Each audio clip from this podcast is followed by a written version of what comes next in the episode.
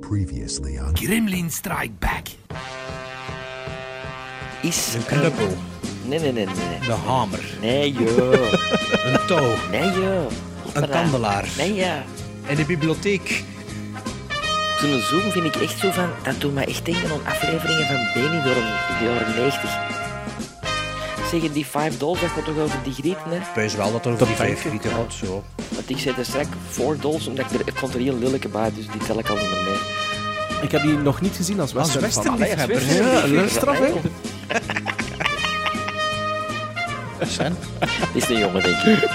Maar je moet niet zo dicht zitten, Maarten. Je moet niet zo dicht zitten. Ik zat nu op de achterste rij, hè. Ja, maar de achterste rij is, is keigoed, maar wij zaten veel te dicht.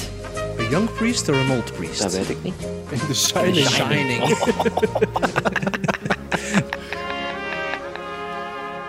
Candyman met, met eh, Chevy Chase en, eh en Nee, Bill Murray. nee. Die Candy Shack, jongen.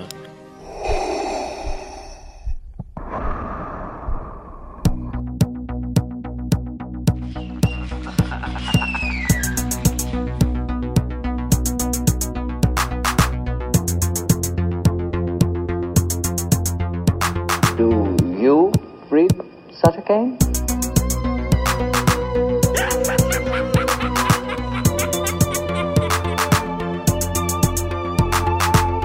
Hal, do you read me? Do you read me, Hal? Affirmative, Dave. I read you. Hallo, hallo, hallo. Welkom Gremlin Strike Back, aflevering 73. Welkom allemaal in deze realiteit. Want de realiteit is het enige wat echt is. Heb je dat nu helemaal afgelezen? Ja, sorry, ik heb juist nog Ah, nee. Ready Player, ik heb juist Ready Player One gezien en ik zit nog helemaal in de vibe van Ready Player One. Ik heb juist Ah. de laatste tien minuten gezien. Ah, van, daarom dat eh, hij niet meer antwoordt. daarom We dat dat hij in slaap gevallen wordt. Ja. Dag jongens, dag Bart de Duitse, dag Maarten Melon. ja, maar Dag zeg maar van eerst keer, hey, was het uw meug of niet, Ready Player One? Mm, Bla, bla, bla, bla. Ik, ik, ik, ja, het laatste half uur vond ik heel goed. En, en, En de toen- scène? De scène. De scène. Ja, dus... eh, Waarom kan niet heel die film zo de zijn? hele film zou zo moeten zijn, hè. dat is echt een fantastische scène. hè.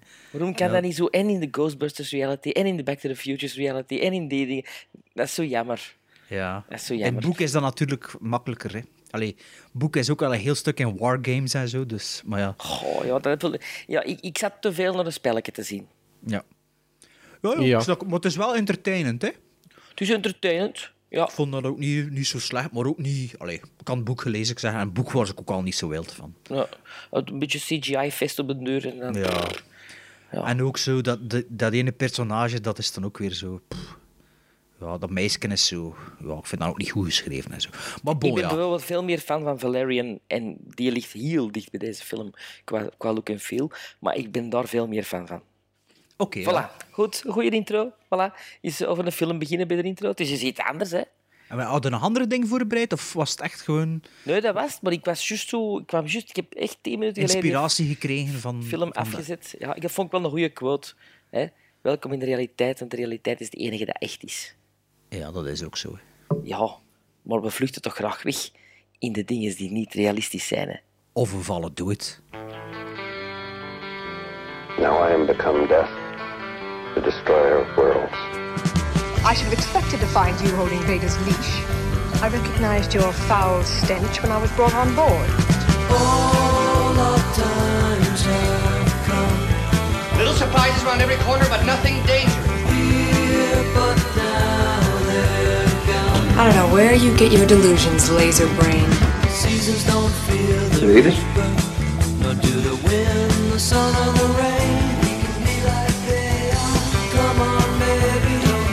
It?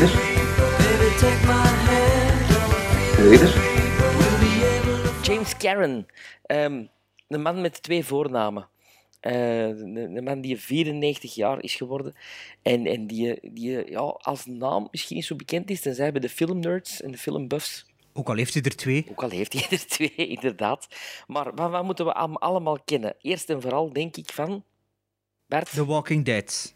Of is dat van vorige Nee, aflevering nee, nog dat is zeker? vorige aflevering. Ah, ja, ehm het ding is, of de Poltergeist. Poltergeist, hè? Poltergeist. Nee, de wordt Return dat- of the Living Dead. Ja, maar Ja, dat meer hebben Sven en ik niet gezien, hè? Ik, heb, ja, ik associeer die toch snel met Return of the Living Dead. Ik weet dat hij er in, in de twee films meespeelt. Eh, zelfs in een derde heeft hij een cameo, dacht ik. Of een, of een verstem- geen research gedaan, hè? Ja, dus 1 en 2 zit hem zeker in. Maar de, de, de gast waar dat Craig T. Nelson, de pa in Poltergeist, tegenroept. You son of a bitch! You moved the cemetery, but you left the bodies, didn't you? You son of a bitch! You left the bodies and you only moved the headstones! You only moved the headstones! Why? Why? Ja, ja, ik ken uw goesting van de poltergeist te hè. Dus door, allee, wa- was het niet. James Cameron is de gast die ervoor gezorgd heeft dat Poltergeist Poltergeist is. Hè? En, Was dat en niet er Steven een- Spielberg? En dat er een Ja. boom in zat die u schrik Ja, aanjaagde. maar, als die, maar als die gast niet alleen de headstones had. Ah ja, zo. zo hè, letterlijk. dus, Ja, ja, dus ja. letterlijk is hij de basis van waarom dat er een poltergeist ja, maar is. ja, die quote is toch van hem? Dat is van Greg T. Nelson. Ah ja, oké, oké. dat Tegen is- hem. Maar hij tegen- zegt Ah, dat tegen hem. Ja. Oh ja, want Ah, ja. hij zegt niks niet meer. Hè. Hij, hij is in Ja, shock. maar dat weet ik niet meer. zeg. Ik weet, ik weet ik ook, wist ik ook niet wie dat James Cameron was, weet tot vorige week. Dus, Meen je eh, ja, Allee, ook, All the President's Man, Nixon, Apt Pupil, Invaders from Mars, de fantastische Invaders from Mars van Toby Hooper uit 1986, Jagged Edge, Wall Street, The China Syndrome, Congo, Francis, Fist. Fist hebben we nog gezien in onze allereerste aflevering. tweede. Twee. Tweede aflevering. Capricorn 1, 13 Days. De lijst is zo lang. Ehm, de man is een, een, een goede vriend ook van ehm, Buster Keaton geweest. Ah ja? Ja. En hij heeft een paar jaar geleden de Buster Award gekregen voor iemand die zich nog altijd in eenzelfde soort manierisme, zoals Bus- Buster Keaton, in films ehm, eh, voortbeweegt. Of, allee, ik bedoel, hij is zoiets Buster Keaton-achtig ook. Je Ja? Ja, Zo'n over, zo'n- ieder- over alles een award hem zeker. Ja, voilà. Het is een beetje like Jamie Lee Curtis die voor alles een record uitvindt. Wat was het record weer? Beste openingsweekend voor een horrorfilm met een 55 plus, Vrouw, 55-jarige vrouw. En beste oktoberopening. Voor een vrouw van 55 plus in een horrorfilm. Of... Nee, overall, beste oktoberopening. Oh ja, oké. Proficiat, Jamie Lee Curtis. Maar James Cameron, you will be missed. You son of a bitch, you moved the cemetery, but you left the bodies, didn't you? You son of a bitch, you left the bodies and you only moved the headstones! You only moved the headstones! Pasta!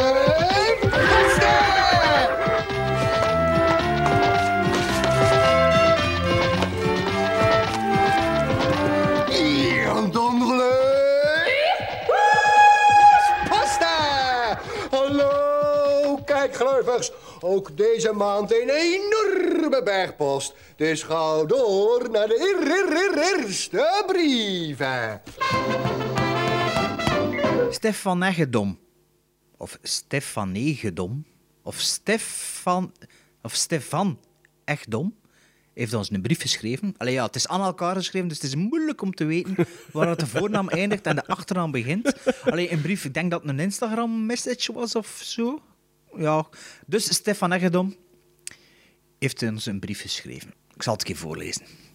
Big up. Ja, natuurlijk, als het een goede mail is, lezen we die zeker voor. Hè. Dus dat is altijd een beetje, hè, hoe zeg je dat? Wij gaan op de schouders kloppen.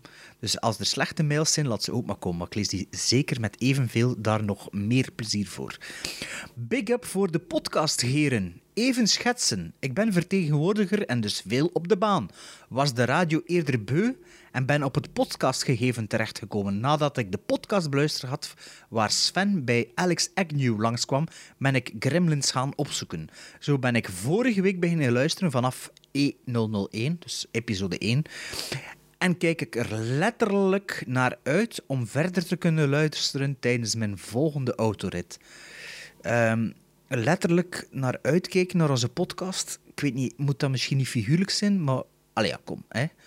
Of kan dat letterlijk naar uit... Tuurlijk, naar als je constant op een gsm zit van wanneer is hem, wanneer is hem, wanneer is de volgende, wanneer is de volgende. Ja, maar is dat, let, is dat, Dat is letterlijk, uitkijken, hè. Dat is uitkijken wanneer dat er poeng, een nieuw episode op komt. Ah, komt dat erop? Dat weet ik niet. Ja, ja, dat komt erop. Ah ja.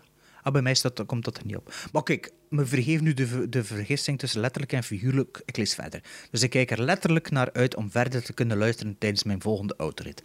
Als, als voorbeeld, gisteren zat ik zes uur in de wagen en quasi non-stop aan de podcast gekluisterd gezeten. Op een dikke week zit ik nu aan aflevering 12 en kan zeggen dat ik fan ben. Yay! Dus op op een dikke week 12 afleveringen. Dat is goed, hè? Dat is doet heel ook in goed. 12 maal gemiddelder dan 2 uur. Dat Dus we is wel goed.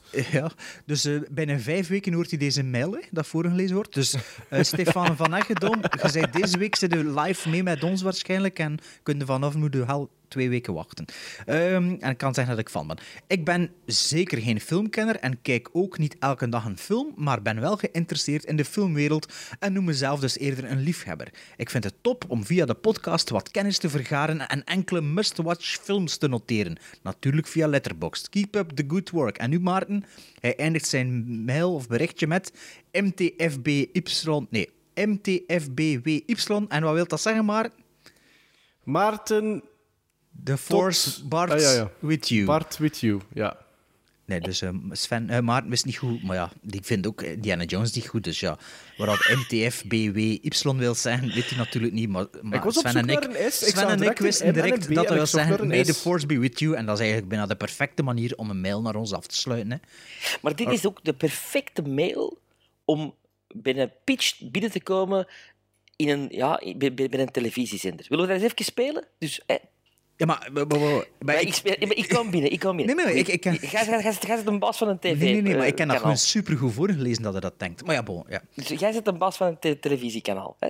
Van welke zender? Ja, dat zie je dus. Die komen binnen. Kling, kling, kling, kling. Dat is de deur. Hè? Klinken met de balken en al. Ja. Oké, top. Kling, kling, kling, kling. Hallo, dag eh, meneer de baas van de televisiezender. I'm sorry, I'm Chinese. I don't speak Flemish. Ik bedoel, maar, Chinese? nee, ik bedoel, maar in een Vlaamse televisie er binnenkomen met dit Ah ja, soort mail, dan denk je van, hé, hey, hey, die mail, dat is, dat is hetgeen dat de mensen willen zien op tv, een filmprogramma. Niet iedereen zijn filmkenners, niet iedereen ziet elke dag een film, maar mensen zijn wel geïnteresseerd, Geïnteresseerd, in de filmwereld. Maar ja, die zitten wel te luisteren in de auto, dus dat is dan wel al een probleem voor die zender. Dat is een probleem, ja. Maar bon, ik wil maar zeggen, Maar er zijn ja. nog mogelijkheden. Moest er iemand luisteren en iemand die een zender heeft, je kunt Maar ik dacht we die pitch nu ging spelen. Ah, die pitch. Allee, kling, kling, kling, kling. Die klink, klink. dus, ja. Ja. Zit, zit al aan mijn bureau of moet er nog binnenkomen? Of Ik komt er nog een secretaris eerst? Nee, ja, Excuseer dan- meneer, niet zomaar binnengaan, niet De zomaar Maarten, de binnengaan. Maarten is de secretaris. Ja, ja oké. Ah, ja, ja, Opnieuw ah, ja, binnenkomt dan, goed. Goeiedag, eh, eh, juffrouw. Waar vind ik het bureau van eh, de heer de Duitse? Kijk op de deur waarop zijn naam op staat dan. Ah ja. Godverdomme, zit die travestiet alweer te roepen? Ah, hier, hier, MFTBWY. Hier zal het wel zijn. Hallo, dag eh, meneer de Duitse. U hebt een zender? Hebt u een afspraak? Nee, ik heb geen afspraak, maar ik heb wel een geweldige pitch voor een filmprogramma op televisie. Ik geef u 30 seconden. Oké, er zijn drie gasten die over film Ik klappen. heb nog niet zoals- start gezegd. Oké. Start.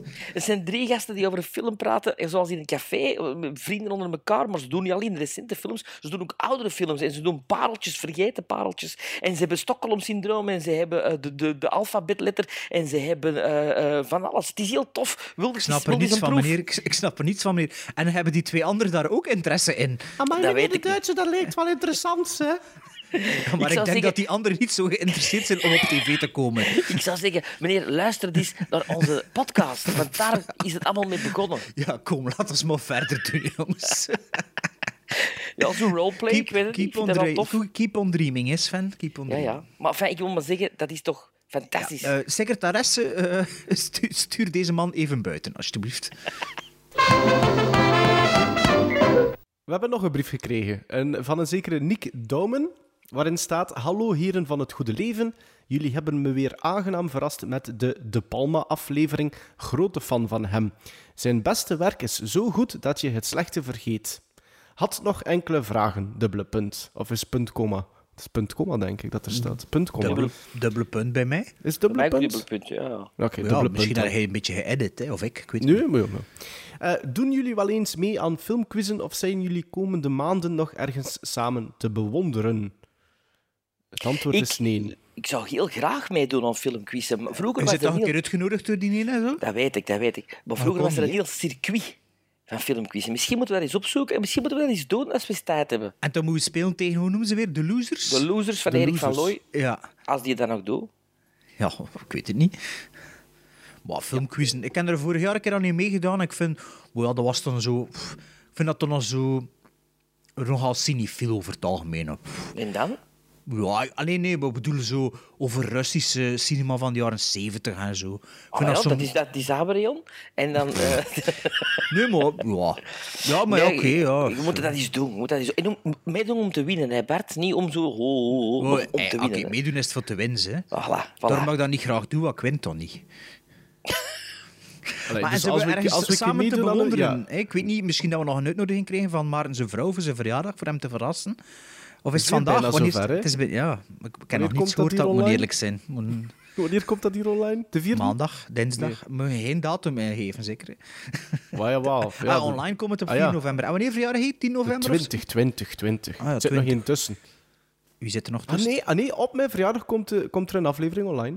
Ah ja, ja, zo. Nou, dacht naar een verjaardag. Dat dacht ik dus. toch.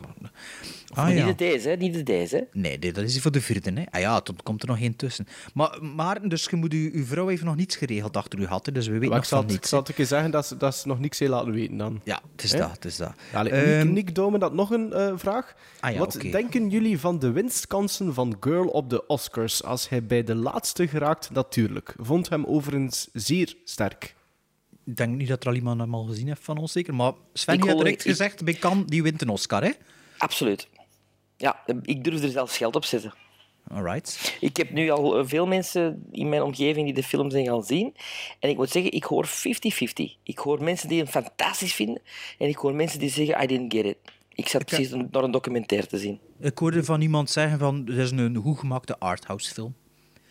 Meer weet ik er ook niet van. Goh, ik moet nu ook eerlijk zeggen, ik ben ook niet geneigd voor die... Allee, ik moet nog zoveel in de cinema zien. Het is dat. En dat is na het Leicester dat op mijn lijstje stond eigenlijk om te gaan zien. Ja. Dus ja, Maar ik denk wel dat hij wel een nominatie misschien... In, allee, op basis van wat ik ervan hoor, hè. Maar winnen doet hij niet, volgens mij. Oké, maar ja, ik heb dan- hem nog niet gezien, dus ja. Maar wat vind jij? Was, Ja, ik eh, heb hem ook nog niet gezien. Maar moet je maar eerlijk wat zijn de Oscar-kansen? Hij als winnaar van de Oscar-poelen dit jaar.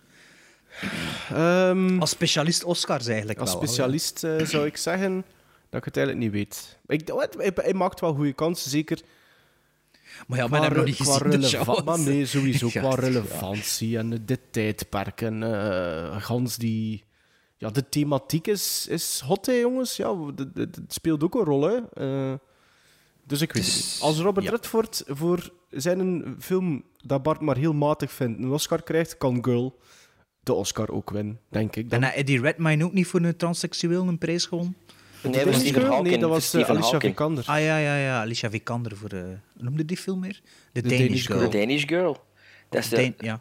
ja, de Danish heb ik altijd denken aan een- zo'n broeike in. Amerika. Of ja, En zo'n de De. Danish roll. En een girl met die, die een Vlaamse tra- transseksuele film. Wat? Aan de Danish moet dan een broodje pijzen en aan girl aan die Vlaamse transseksuele film. Nee, als ik girl hoor, ik altijd denken aan dat liedje. Girl, girl, girl, na, na, na, na, na, for you. Na, Shania ice Twain. cold Ah, nee, eh, die andere, die Hollandse. Shania Twain. Ja, ze Anouk. weer? Anouk. Anouk. Ja, ja, ja. Ja. Ja, zijn er nog vragen van? Ja, Nick, Nick had nog één vraag. Doen jullie mee met de 4K-hype of enkel DVD Blu-ray? Ik wist zelfs niet dat de 4K dat dan hun hype was. Amai, je moet de winkel eens binnenkomen. Allemaal die zwarte, die zwarte doosjes overal. Ah. Ja, het is echt ontkomen. En Ik doe daar niet aan mee. Ik ook niet. HD is genoeg voor mij, voor mijn tv. Ik zou zelfs liever, wel eh, naar VHS-cassetten kijken, gewoon voor de Ik film ook. te zien. En er is gewoon toch niks boven de laserdisc qua kwali- kwaliteit. Dus. Dat is niet waar, jong. Jawel. Maar had dat nog gezegd? Dat is lagere resolutie dan Nee, DVD. dat ik ken is dat een keer niet opgezocht. waar. Dat Jawel? is perfecte le maar letterboxd, hè. Letterboxd, hè. Maar dat verandert niets aan de resolutie, hè, Sven? Jawel, jawel, want uw, uw balken zijn groter. Ja, maar die banken die valt ook binnen uw resolutie. Hè. Ah, ik vind het goed. Dus we doen niet mee aan de 4K-hype, maar Sven doet wel nog altijd mee aan de Laserdisc-hype. Laserdisc, ja. Als eh, uitgaver van de Adfundum Laserdisc natuurlijk. En Nick sluit af met alvast bedankt en hopelijk nog veel plezier. Eh, veel filmplezier. Groetjes, Nick. Geweldig. Oh, kom, we, we gaan, ja, heel tof dat jullie mail sturen, blijven doen. We blijven ze dan misschien voorlezen. En dan blijft het ook 20 minuten duren voordat we effectief aan de aflevering beginnen. Oh, hij zegt, er is toch al een dode gevallen en er is toch al een Ready Player One en een Ja, girl. dat, dat, dat, dat, toch- ja, maar dat, ja, dat is gewoon zo de dagdagelijkse...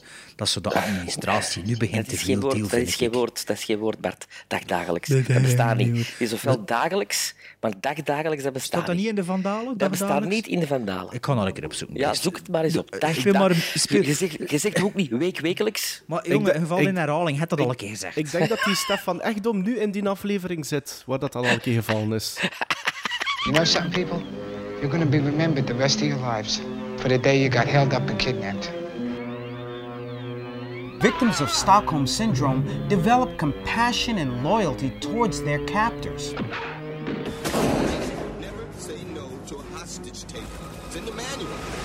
Stockholm-syndroom. We gaan, we gaan van goede oude tradities maken we een gewoonte. Prisma woordenboek, dagdagelijks. Bijvoeglijk naamwoord, Belgisch-Nederlands ook. Dagelijks, elke dag, alledaags, heel gewoon. En toch is het niet correct. Allee, beginnen we opnieuw. Stockholm-syndroom. Onze goede oude tradities die houden we graag in eer. En ehm, een echt Stockholm-syndroom, ehm, vintage, classic Stockholm-syndroom, is dus dat één iemand een film kiest voor de twee anderen, die de twee anderen nog niet gezien hebben. Dat gaat beter en beter iedere Echt, aflevering. hè? Ja, Echt ik denk dat Echt echt ik er een keer tussen moet komen en een uitleg. Dan loopt het weer in het honderd. maar misschien dat... De... Ah ja, maar het is te laat voor het hem te laten weten. Hè. Ik ging zeggen, misschien dat Stef van Eigendom misschien een grafiek moet bijhouden van hoe duidelijk de, de uitleg is en zo... Misschien Wie een, het best een- scoort of zoiets. een- nee, of gewoon, een- zo gewoon een, een, een, grafiek, of noemt dat zo'n... eh, Allee, noemt dat nu weer met zo van die... Een grafiek. Een statistiek. grafiek? Ja, een, ja, statistiek, ja, geen staafdiagram, maar zo'n ander. Nee, met een x en een y-as. En per aflevering een score geven op hoe goed duidelijk Stockholm-syndroom uitgelegd is en door wie. En het was zo'n grafiek en dan kun je misschien zien of dat in stijgende lijn is. Of, ja. Dat is voor En- onze podcast Nerds dan, die we gaan creëren misschien. ja, maar we hadden toch ooit een keer iemand die eh, meldde dat ze... Was dat niet Tamara, nog iets noemt ze weer? Die elke aflevering drie keer bekeek. Of noemt dat dat we doen? Beluisteren. Luister, ja. Ja. Misschien dat ze nog een vierde keer allemaal kan beluisteren en ons de grafiek kan bezorgen. Dat is goed. Ja. Ehm 1993. Mogadishu.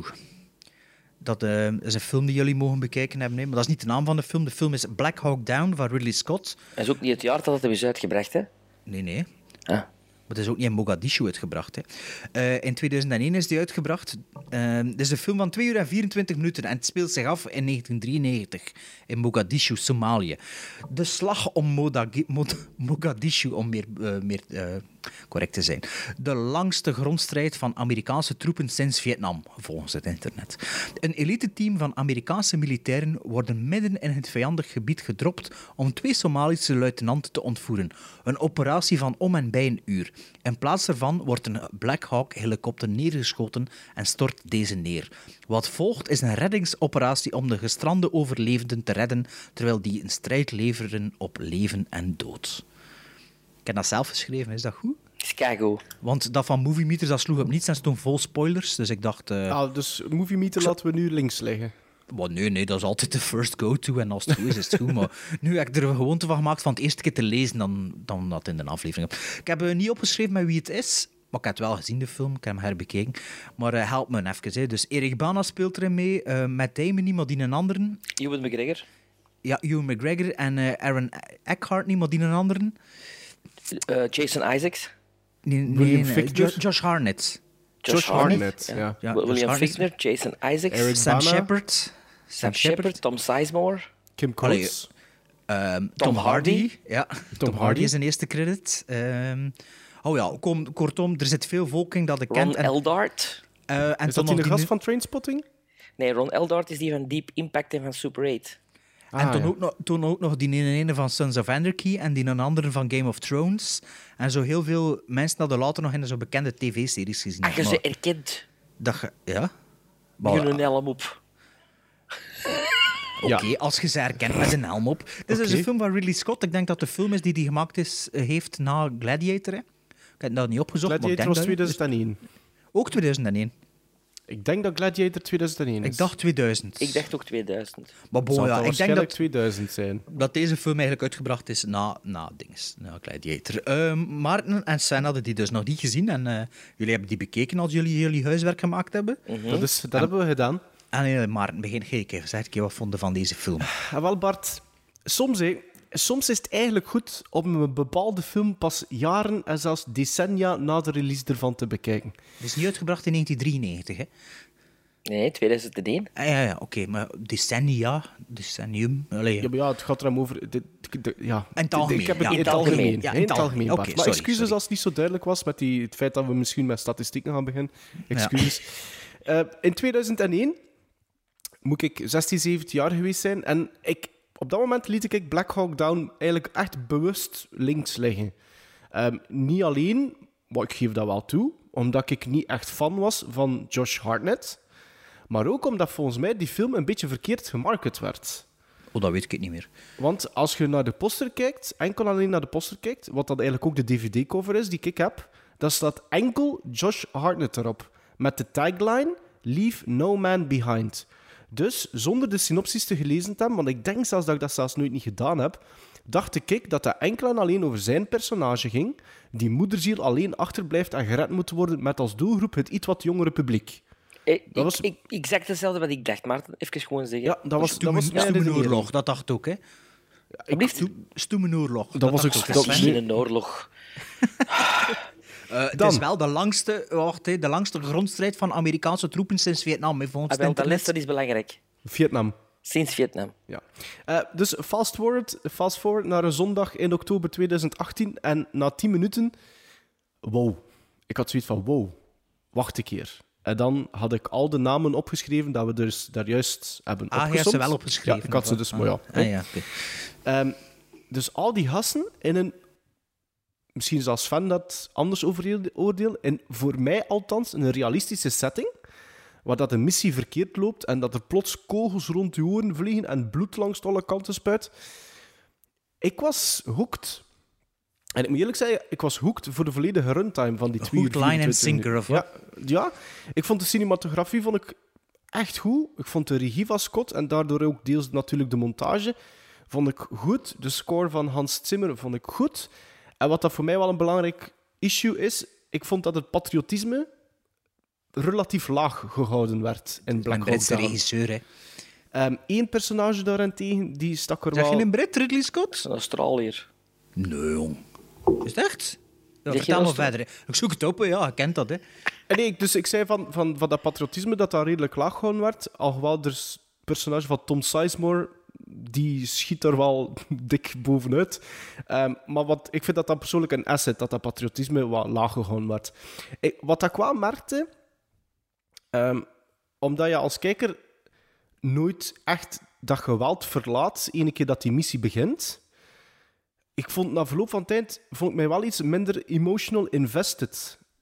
Ehm, Ja. Ik denk dat ik een beetje num, gevoelloos werd, omdat dat maar bleef duren.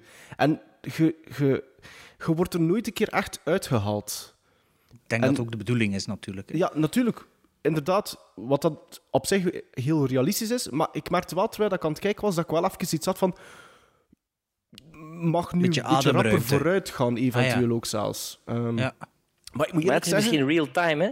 Ja, Dat gevoel kan. had Maar ik nee, toch het is wel. niet real-time, hè, want het heeft meer dan 16 uur geduurd, hè, die missie. Ja, ja maar op een bepaald moment is het wel een sterk gevoel is van het, real-time. Dus tegen het einde dat de pacht zegt, dat ze, eh, eh, handelen ze het helemaal af? Ik weet al ze het niet meer. Ja, ze ze, handelt het ze, helemaal ze, af. komen ja. ze gaan terug, hè. Ja, ja, op het einde.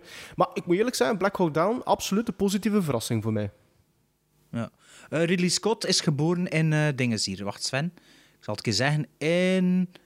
ehm, wacht, South Shields. Dus dat is? Groot-Brittannië, toch?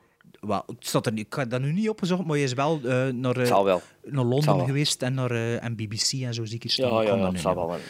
Dus, maar alleszins, ja, het pat- patriotisme is inderdaad een niet, eh, niet, niet eh, om de hoek aan het loeren constant bij die film. Het is ook natuurlijk, ja, kan je zeggen, nog, ja, dat is nog pre-9-11, hè. Dus dan was al Ja. misschien... En eh, eh, ja, zie daar mijn eerste groot probleem met de film. Dat het eh, heroïsme er niet is. En je weet, ik ben een sukker voor heroïsme. Hè.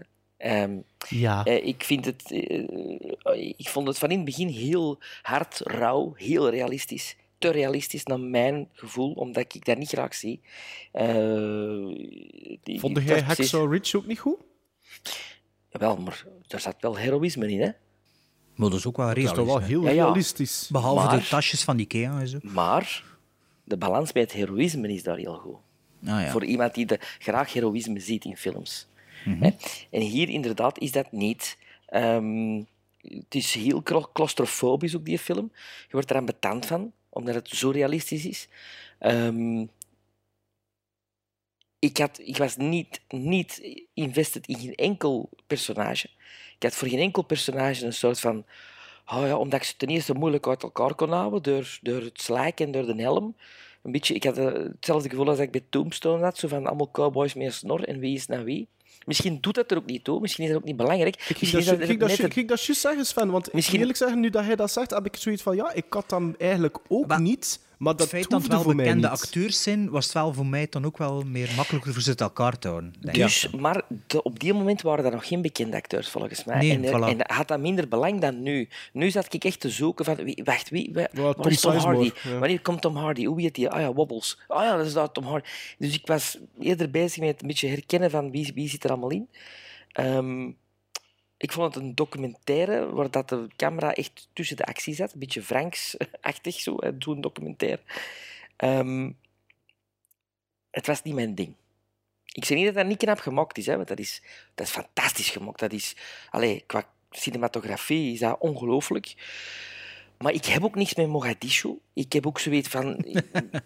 Nee, ik heb... ik- Ja, ik- maar dat is toch wel straf? Dat is, dat is toch wel dus straf dat dat bepalende factoren wel zijn voor u? Ja, omdat ik eerst dacht dat dat in Servië zich afspeelde. Op een of andere rare manier. En Ah dat ja, ja. ehm En dat begint en ik dacht, hè? Oh, wacht, Mogadishu. Maar anders was... vind ik de Joegoslaven-oorlog een stomme oorlog. Nee, maar dat is ook zo, dat is zo wat hetzelfde. Dat is zo dezelfde periode ook. Omdat ik zat toen in het leger. In- ah, je in in- het leger gezeten? Of? Ik zat in 93 in het leger. Een van de laatste weet- lichting dan nog? De, de allerlaatste lichting. Ah, ja, ja. En ik weet dat dat toen... Dat was, toevallig. dat was dat, dat, dat met, die, met, die, met die blauwhelmen, die... die Ah, ja, ja. ja. Ja, die- Pakistanische blauwhelm zijn vermoeden, Somalië. ja, maar nee, die, die Belgische paras blauwhelmen, die ook... Dat was niet Somalië, dat was Rwanda volgens mij. Ah, wel, maar dat was ook allemaal in die periode. En- Ja, ja, ja. ja. Dus ik slaag dat allemaal een beetje doorheen. Ehm, en ik had, dus de stupiditeit van een van oorlog komt daar heel goed in, in, in naar voren, vind ik. Want ik had ook zoiets van, guys, lot die gasten achter en mok dat je er weg bent. Toen Dat had ik heel een tijd van, what the fuck, Maar dat is wel on. een beetje het heroïsme van de film dan toch? Weinig heroïsme dat erin zit, dan die allemaal one for all and all for one. Nee, nee, ik heb het over die, die, die die ze moeten gewoon kidnappen, hè. Ah ja, ja, zo ja. Maar ja, dat was ook de bedoeling niet dat het zo lang ging Ah, nee. duren. Hè? Maximum een uur, ja. En ook zo die, dat, dat labyrint gegeven is heel knap. En dat je denkt van, alles trekt erop in. Maar dan al die milities die er zo beginnen scheten en die blijven scheten. En, en dan die hopen eh, eh, eh, ja, inwoners vandaar die er gelijk als... tussen Vliegen op de stront. wilden, wilden op, op, die, op, die, die, op, die, op die helikopter af, af kon en, en, echt zo gewoon allee, het kot afbreken er. Dan denk ik, wacht even, was dat echt zo? Maar waarom zou dat eventueel niet zo geweest zijn? Ja. Dat kan toch? En Ik vond dat in een de hele in aangrijpende in de scène van die trouwens. Afrikanen is dat, is dat de Amerikaanse. En, allee, ja, Ja. Wat kom je er hier doen? Eh je hier niets verloren. dat is onze ja. zaak hier, inmenging. Dat wordt ook letterlijk gezegd, hè. Op een gegeven moment van, denken jullie nu echt, als je die een ene type eruit haalt, dat dat plots door jullie opgelost gaat geraken hier? Ja. Dat wij Ja, plots al onze wapens gewoon op de grond gaan smijten. Dat wordt letterlijk gezegd in die film, hè. Maar het wordt in het begin ook gezegd dat ze eigenlijk kwamen voor de voedsel eh, de trans- transacties laten door te gaan, die die gast tegenhield. Hè. Ja, ja, juist. Dat was ja, maar, in ja, het begin zo, ja. maar ja, hoe gaat dat? Ik ben nu ook de Vietnam War aan het zien, die in een docu-reeks. En ja, dat is, het zijn zoveel factoren die achter de scherm meespelen en zo. Eh, De film heeft mij, heeft mij vooral en blah en weg. En, en, en ik heb dikwijls weggekeken dat ik dacht van, oh, I don't like that. eh, die afgescheurde ledematen. En, En Saving Private Ryan vonden dat dan ook niet zo goed. jawel, jawel. Om het heroïsme dan, of om het einde. Het Allee, is een van- oorlog die dichter bij mij staat dan Mogadishu. Ja, Mogadishu, ja. ja ik moet, moet nu wel zeggen dat, ja... van de Somalië-oorlog wist ik, of weet ik nog altijd niet zoveel eigenlijk. En ik had Black Hawk Down wel al gezien, maar ik heb hem nu herbekeken. Is, was dat wel zo van, ah ja, zo is dat dan en zo is dat. Allee, bewuster naartoe gekeken, precies. Want het enige dat ik nog wist van de Somalië, nee, het enige niet, maar van Somalië, is dat dat zo mijn generaties Ethiopië een beetje was. Dat was daar dan de kinderen met vliegen rond hun hoofd zaten en een dikke buik hadden van de honger. En ook de, de, de invasie van de Amerikanen in Somalië op het strand, waar dat de camera's al klaar stonden. Dat eigenlijk de Saving Private Ryan beelden kreeg, maar in het nieuws... Ja, maar dat was ervoor al, hè. dat was met Desert Storm ook al. Hè. Of- maar ja, maar dat was, daar was het echt wel dat ze uit Nee, water Desert- kwam. Desert Storm was ook, was ook met CNN live. Ja, ja, ja, CNN Live en Is- Israël en zo. Dat weet ik, maar bij Somalië stonden camera's op het strand en daar kwam de, de amfibievoertuigen en kwam de soldaten eruit. Ook al zo van die groene beelden. Dat weet ik echt nog heel goed. En ik, vond, ik weet nog dat ik dat destijds raar vond, maar nu met deze film te herbekijken, heb ik eigenlijk beseft, ik heb dat dan ook opgezocht op de wereldkaart, dat eh, Mogadishu ligt gewoon aan, dat is aan de kust, dat dat ligt. Dus de hoofdstad van Somalië ligt eigenlijk aan het strand, bij manier van Vandaar dat al die piraten vanuit Somalië Ja, vertrekken. hè. ah, wel ja, maar dat, dat waar ik inderdaad ook aan het pijzen, dat dat wel een grote uitvalsbasis voor die Somalische piraten kan zijn, inderdaad. Allee, voor het niet gezeverd, hè. Dacht dat ook. Maar ik kan dus de film ook wel herbekeken en ik dacht ook wel van... Ja, tja, ik vond die film in het begin toch... Zo dacht ik wel dat dat een straffer film was. Het moment dat ik die gezien... Ik denk dat ik die in de cinema gezien heb, dus 2001. Misschien dat ik toch nog niet zoveel oorlogfilms gezien heb, of toch niet... Maar na een uur was ik wel helemaal weer aan boord. En die film duurt 2 uur en 20 minuten. En moet ik zeggen dat die wel... Ja, nee, ik vond dat niet. Ik, Ik vond vanaf niet dat dat te lang duurde, ze? Nee? Nee, allee, het duurde waarschijnlijk wel te lang, subject, objectief gezien. Maar ik vond, oké, dat er zo in die een drive zit, dat zo... Ja. Maar vliegt dat wel voorbij, vind ik. Maar ja, ik, ik moet zeggen, ik kan het wel iets... Ja, moet ik zeggen, misschien meer actiesuspensvoller in mijn herinnering. Als Ja, want wat dat is eigenlijk... Dat heb ik speciaal weggelaten, hè, mijn synopsis. Ah, oké. Ja. Ik had zoiets van... Oh, Ja, maar moet ik dat nu weer wegbiepen? ik vroeg aan mijn oudste zoon, die nogal eh eh oorlogsfilm-minded is, van, kende die? Heb je die gezien? Het is de beste oorlogsfilm die ik ooit heb gezien. Zetten. Ja. Ah, voordat hij hem gezien had of nadat hij hem gezien had? Nee, nadat ik hem gezien heb. Ah ja. Dus ja, moest hij voordien gezien hebben. Maar ja, en ik ging zeggen, had hij er al veel gezien, maar ja, blijkbaar wel. Want, eh, Ja, die, zo'n top drie, heb ik het gezegd, die, Fury en... ehm, oh, nog één, enfin, zwart. Allee, gizmos dan, hè? Ja. Wacht, ja, kijk ze... Zal ik beginnen? Ja, begin. Doe maar. minste. 2,5. Huh? Oh, sorry. Eh, sorry. Nee, nee. Ja, nee, 2,5 op Letterboxd. 5. 5. Ah ja, oké. Wat als 2,5. ja, maar... Ik geef dat onmiddellijk een, eh, een dikke 7. Ja. Ik heb eh, op Letterboxd 7,5 gezet, maar moest het me... Ik heb dat opgezocht, ik zag 7,5. Ik heb dat na de film gegeven, maar moest het me vandaag gevraagd, zou ik zeggen ja, 6,5 of 7. Dus ik denk dat 7,5 misschien wel te straf is. Maar, ja. Dus ik heb 7,5 op Letterboxd, dus ik hou me eraan. You shouldn't have come here. This is our war. Not yours. 300,000 dead and counting. That's not a war, Mr. Ito. It's genocide. These people, they have no food. We can either help, or we can sit back and watch a country destroy itself on CNN. Rangers, Deltas, today we go. Film nummer 2 is er eentje dat ik gaf aan Sven en Bart. Het is een film uit 1998, geregisseerd door Bill Condon, die een Oscar won voor Best Screenplay based on material previously produced or published. Het gaat over Gods and Monsters. En de film vertelt het verhaal van de gepensioneerde homoseksuele regisseur James Whale, die onder andere Frankenstein, Bride of Frankenstein en The Old Dark House regisseerde, die een vriendschap begint met zijn nieuwe tuinman Clayton Boone. Sir Ian McKellen kroop in de huid van Whale en Brandon Fraser speelde de tuinman. En Lynn Redgrave heeft een belangrijke rol nog als Hannah de housekeeper. De titel Gods and Monsters is trouwens een referentie naar een zin uit Bride of Frankenstein. En als ik me niet vergis, dat was eigenlijk wel een film waar jullie alle twee naar uitkeken, of toch al even wouden Ja, zien, hè? absoluut. Dus ik hoop dat die mee is gevallen. Ja, ik, ik begrijp ook meteen waarom dat jij eh, dat eh, aangekaart hebt als film, Maarten, omdat je een grote liefhebber bent van de oude eh, klassieke horrorfilms. Van oude wij allemaal, homo's, van wij allemaal homo's, trouwens. Maar Maarten toch nog een beetje meer als ons getweend. Eh, ik leer ook heel veel bij over die, dat soort films door Maarten, waarvoor dank. Dat is graag gedaan, Sven. Dus ik dacht, ik, ik ga een soort van Shadow of the Vampire te zien krijgen. met John Willem Malkovich Dafoe. en Willem Dafoe over eh, Max Schreck, over de periode... Nosferatu. Eh, Nosferatu. eh, dus ik, ik denk, ik- dat dacht ik, dat dacht ik. Dus over het oude Hollywood. Ja, Hè? maar dat is raar, want ik had al tegen u gezegd vorige keer, het gaat hem over de, de, de, de, de oude Ja. James wel, een oude Weet James ik, wel. Hè? weet ik. Maar Maar ja, ik dus- ook zijn leeftijd niet, hè, toen dat hij Frankenstein maakte. Die was toch Jawel, misschien ik heb dat, ben dat op voorhand gaan opzoeken en, en, en ik dacht, oké, het gaat een film zijn vol flashbacks. Oké, ja, oké, dat snap ik. Ja, dat, dat, ja, dat snap ik. Eh, dus, en dat, eh, Ian McKellen eh, begint het te spelen en van, ja, echt, oké. Ik heb al betere Ian McKellens gezien, naar mijn gevoel. Maar dit is very close to home, denk ik, voor Ian McKellen. Wat hij daarin speelt. Hè, een older gay guy. Ehm Ja, ja. ça va, ça va. Ehm, en Lynn Redgrave, dat vind ik fenomenaal. Die- Hannah. Is dat Hannah? Die speelt zijn Ja. ehm, De housekeeper. huis, housekeeper. De echte vrouw Blugger. Ah, ja. Zo, Ze doet dat fantastisch. Ze heeft ook een Oscar-nominatie gekregen voor beste bijl. eh, Die is, niet oud, die is niet oud geworden, hè? Die Nee, nee. Ik heb dat ook opgezocht. Ja, die is niet oud geworden.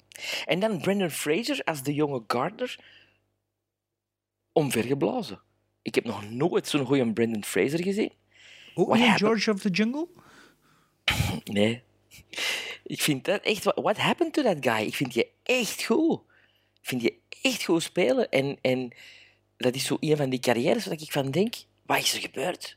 Want deze film had je toch echt op de kaart moeten zetten. En hij heeft voor deze film als, als enige van de cast geen nominatie gekregen. Terwijl dat ik vind dat hem dat wel had mogen krijgen als die andere twee ook een nominatie hadden gekregen. Want het is een, een trio hè, dat, dat je ziet. Ja, ze- ja, maar ik vind wel dat Fraser de minst is. ik, vond, ik was echt, echt verbaasd van dat die, dat die, die rol zoeken. Het was het personage waar ik het meeste mee meeleefde ook.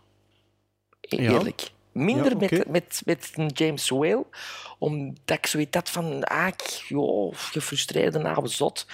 Eh, je hebt zo'n goede films gemokt en je zit erop af te geven op je eigen films. Een beetje. Hè, want je wilt showboat, showboat, dat vond hem goed. Denk, ja, oké, ja, zo'n showboat. Maar dan zijn Frankenstein en Bright, dat vond hem eigenlijk toch zo'n beetje te min, hè. Nee, dat is Hij dat er- ik, ik heb het gevoel dat, dat je uit die film krijgt het gevoel dat dan vindt dat hij er te veel krediet voor heeft gekregen en dat hem eigenlijk liever zijn showboat eh, altijd naar voren brengt als zijn meesterwerk. Of heb ik dat verkeerd begrepen? Ik vind, ik vind dat niet volledig juist wat dat gezegd. Oké. Nee, ik vind, eh, wat dat er wel naar voren komt, is dat veel mensen zijn films niet begrepen hebben. Waaronder Frankenstein en Bride of Frankenstein. Is dat echt? Maar dat zijn toch Ja. klassiekers?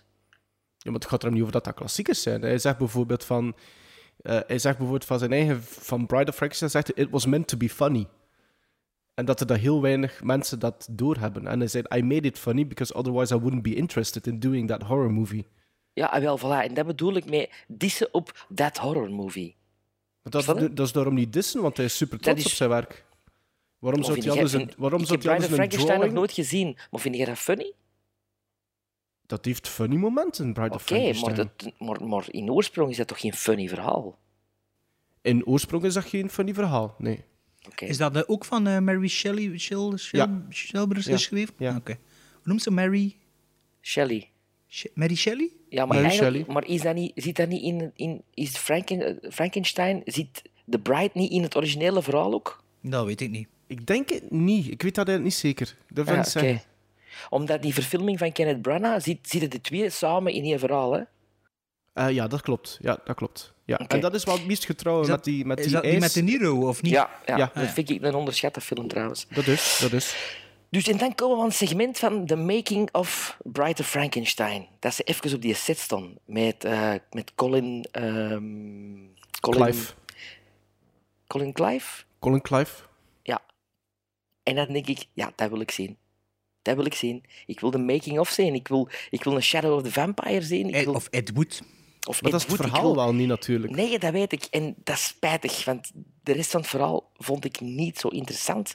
Kabbelt verder zoals een doordeweekse weekendfilm en boeide mij niet. Ik wou, ik wou die, die flashback zien. Eh, Want ja, dat die mens... Wat is deze probleem eigenlijk? Dat hem, zoals velen in het oude Hollywood-systeem, er niet voor konden uitkomen dat ze homoseksueel waren. George Cukor, die dat dus echt verstopt als, regisseur, als grote regisseur. En hij die er zo wat mee plaagt van... Hè, en dat zo wat op een, ik heb toch niks meer te verlezen. Is dat de essentie? Nee, dat de essentie, is, de essentie is dat hij een, dat hij een gast fysiek leidt ook. Die gast heeft een aandoening, is van. Die wordt geplaagd door, door, door wat dat er in zijn verleden gebeurd is. Die heeft... ehm, Maar wat is er gebeurd? In het En verleden. de Eerste, Eerste Wereldoorlog, hè, dat trauma. Dus waar dat hij eigenlijk zijn geliefde verloren is. Hè? Dus zijn eerst zijn echte geliefde, Ja, zijn- dat hij nog altijd door getormenteerd wordt. Hè? Dat hij Eh, daar zie wegrot net hè, in, de, in de prikkeldraad. Hè. Ik was aan het slapen dan, denk ik. Dat heb, ik- dat heb ik gemist. Wat dat er op het einde gebeurt, is effectief waar. Buiten het feit dat er wel iets werd achtergelaten eerst nog. Ehm, maar dat, maar dat- die man leed fysiek en hij komt dat niet meer aan. Dat, dat wordt ook heel duidelijk naarmate dat de film verder gaat. Is dat hij op een gegeven moment zoekt hij een manier. Hij, hij- op een gegeven moment daagt hij het personage van Brendan Fraser ook gewoon uit om, het, om te doen wat dat hij eigenlijk wil. Ja ik, weet, ja, ik weet het. Dat heb ik ook gezien. En dan... pff, Ja, ja, Ik denk dat hij gewoon een ander soort film wou zien. ja. Ja. Ik wou... Shadow of the Flashbacks. Vampires. Wat, wat wou Sorry, ik Maarten. zien? Hé, wat wou ik zien? Ehm Gods and Monsters stond inderdaad al lang op mijn watchlist. Ehm, ik wist ook niet zo heel goed waarover dat ging, over de, over de homoseksuele regisseur van eh, Frankenstein op oudere leeftijd. Dat wist ik. Inderdaad. Ik verwachtte me dus niet aan een interview with the Vampire. eh, Shadow. Shadow of the Vampire. Of eh, Ed Wood-achtig iets. Ehm, die film begon... eh, maar is het, een, is het, het is gebaseerd op een novelle, maar is het een, een true story? Of Het is based eh, on, on true events, ja. Ja, want die Maar ik gast die in het begin... niet in die- hoeverre... Die gast die er in het begin zijn verhaal komt op maken, die journalist, reporter, fan. Hè? Student Van nog, dacht ik Dat is zelfs. de gast ja. die er een boek heeft geschreven, volgens mij. hè? Ah, ja, de is film op gebaseerd is. Ik dacht ik het wel. denk dat niet. Bon, ja, ik ik denk dat niet. niets van. Het is toch een boek, hè? Het is een boek. Nov- novel, novel stond Maar erop. het is, het, is, het is hem niet. Het is, het is niet die gast. Oké. Ah ja, nee. Eh, en ik zag het ook bij de executive producers Clive Barker. Ik dacht, ah ja, natuurlijk. Homo's onder elkaar, hè, kennen we. Ehm, de film begon en ja, sowieso top geacteerd door alle drie. Niet veel op aan te merken. Eh, inderdaad, die Hannah speelt goed met hun tics. Brandon Fraser ook niets op aan te merken. En ik had ook dezelfde gedachte, like Sven. Zo, eigenlijk is dat geen slechte acteur. En is dat jammer dat dat Dudley Do-Right en eh California Man gebleven is. En dat dat zo, want eigenlijk... Misschien wordt hij wel nog een keer opgevist door Tarantino Ja, en dat zijn allemaal films die voor Gods and Monsters Ja, hè, die noemde. hè. Dudley Do Ja. Right en Encino Man. Maar Dudley Do-Right weet ik niet zeker, maar Encino Man zeker wel. Ik weet niet wat hij hem nog meespeelt. Eh, George of the George, Jungle, George The of the Mummy. Jungle. De Mummy Mummy was daarna. Ja, trilogie, ja. Ja. Dat, is- dat is zo... Ja. Ehm, en dus ja, dat begint. En ik moet zeggen, eigenlijk van deze vijf minuten... Ja, had ik hetzelfde gevoel, ik, Sven. Zo van, gast, wat is uw probleem eigenlijk?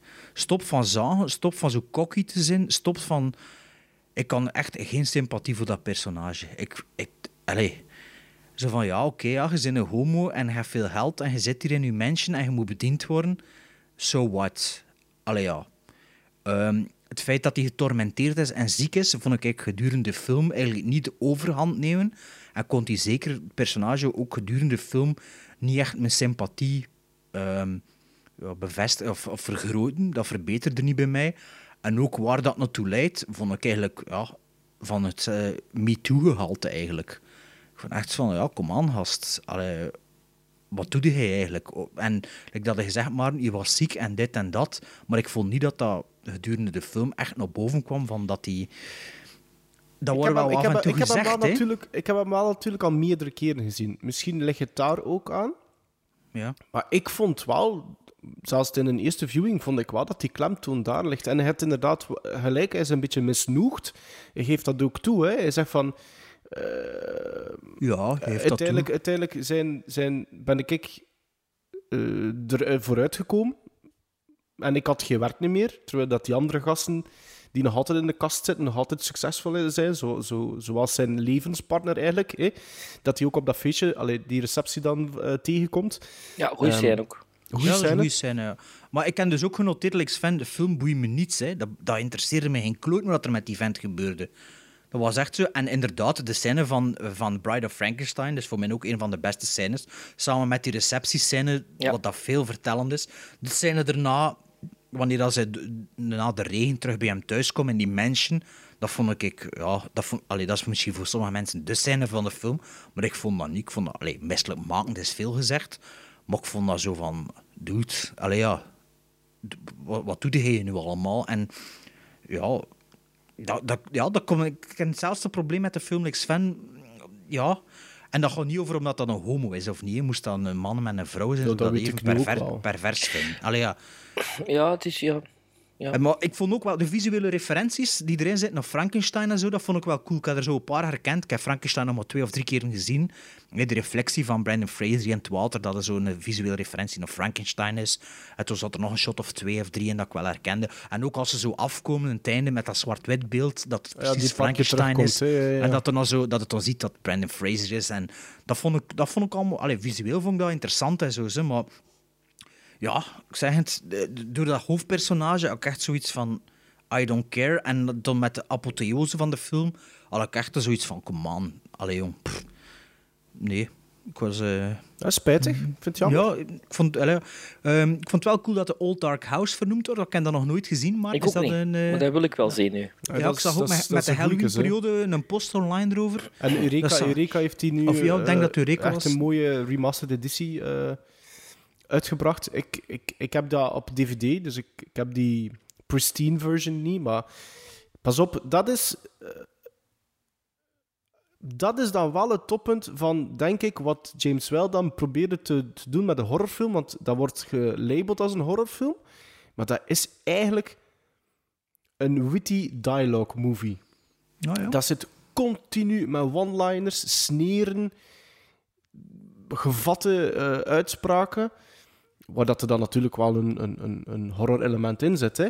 Ehm, zeker en vast. Maar absoluut, absoluut de moeite voor te bekijken. Ja. Ja, ik wil dat wel een keer zien. Wa- Want van, allee, James Whale in die film vond ik maar een doofus allee, of een jerk. Maar ja, ik, vind, ik ben wel fan van de films dat ik gezien heb van hem. Allee, bedoel, dat, dat staat er los van. Ik weet natuurlijk ook niet hoe realistisch dat hij een weergave is van Ian McKellen. Hè. Ehm, dus ja. Maar ik wou nog geen iets vragen, maar je weet dat misschien. Op het einde van de aftiteling stond er A good cast is worth repeating. Is dat een referentie naar iets Bride van... Frankenstein. Zit dat er ook in? Of- Bride of Frankenstein begint, zoals dat eigenlijk al de classic movies doen, met de cast al in het begin. En op het einde... eh, Staat- komt dat er ook op? vermeld. En, en, en dat is zo gezet. A good Ah, cast wij is dachten al dat dat zoiets was, maar ja. Ja, Dat, dat, dat, dat, dat viel me op. Ja. Ja, jongens, ik, ik, ik ga het gewoon direct zeggen. Voor mij krijgt dat een 7 op 10. Maar ja, dat gaat bij jullie het geval niet zijn. Hè? Bij, bij mij 5,5. Een, een, ja. Bij mij drie, sorry. Ik vind dat voor iedere acteur krijgt dat een, een gizmo. En that's it. Before I show you the results of my trifling experiments, I would like to drink to our partnership. Do you like gin? It is my only weakness. To a new world of gods and monsters. Ik had voor jullie een film gekozen uit 85. Namelijk Lady Hawk. Het verhaal gaat over twee geliefden die elkaar nooit kunnen aanraken. Etienne Navarre en zijn geliefde Isabeau zijn namelijk betoverd door de kwaadaardige bisschop van Akia, die verliefd is op Isabeau. Navarre verandert s'nachts in een wolf en wanneer het licht wordt, wordt hij weer mens, terwijl Isabeau in een havik verandert overdag. Samen met de dief Philippe Gaston de Muis vluchten ze voor de troepen van de bisschop. Philippe de Muis vindt het stel zo sympathiek dat hij op zoek gaat naar een manier om de betovering te verbreken. Dat is waar. De muis. De muis. De maus. De maus. dat van mov- Movie Meter geplukt? Nee, de Muis, hè? Philippe Gaston de Muis. Ja, de maus, hè. Hadden nu een naam, achternaam vertalen of wat? Ja, maar Heb ik- jij dat als kind gedubt gezien misschien? Nee, maar ik heb dat toch in, in het Nederlands, vertel ik dat toch? Dus zijn bijnaam is de Muis.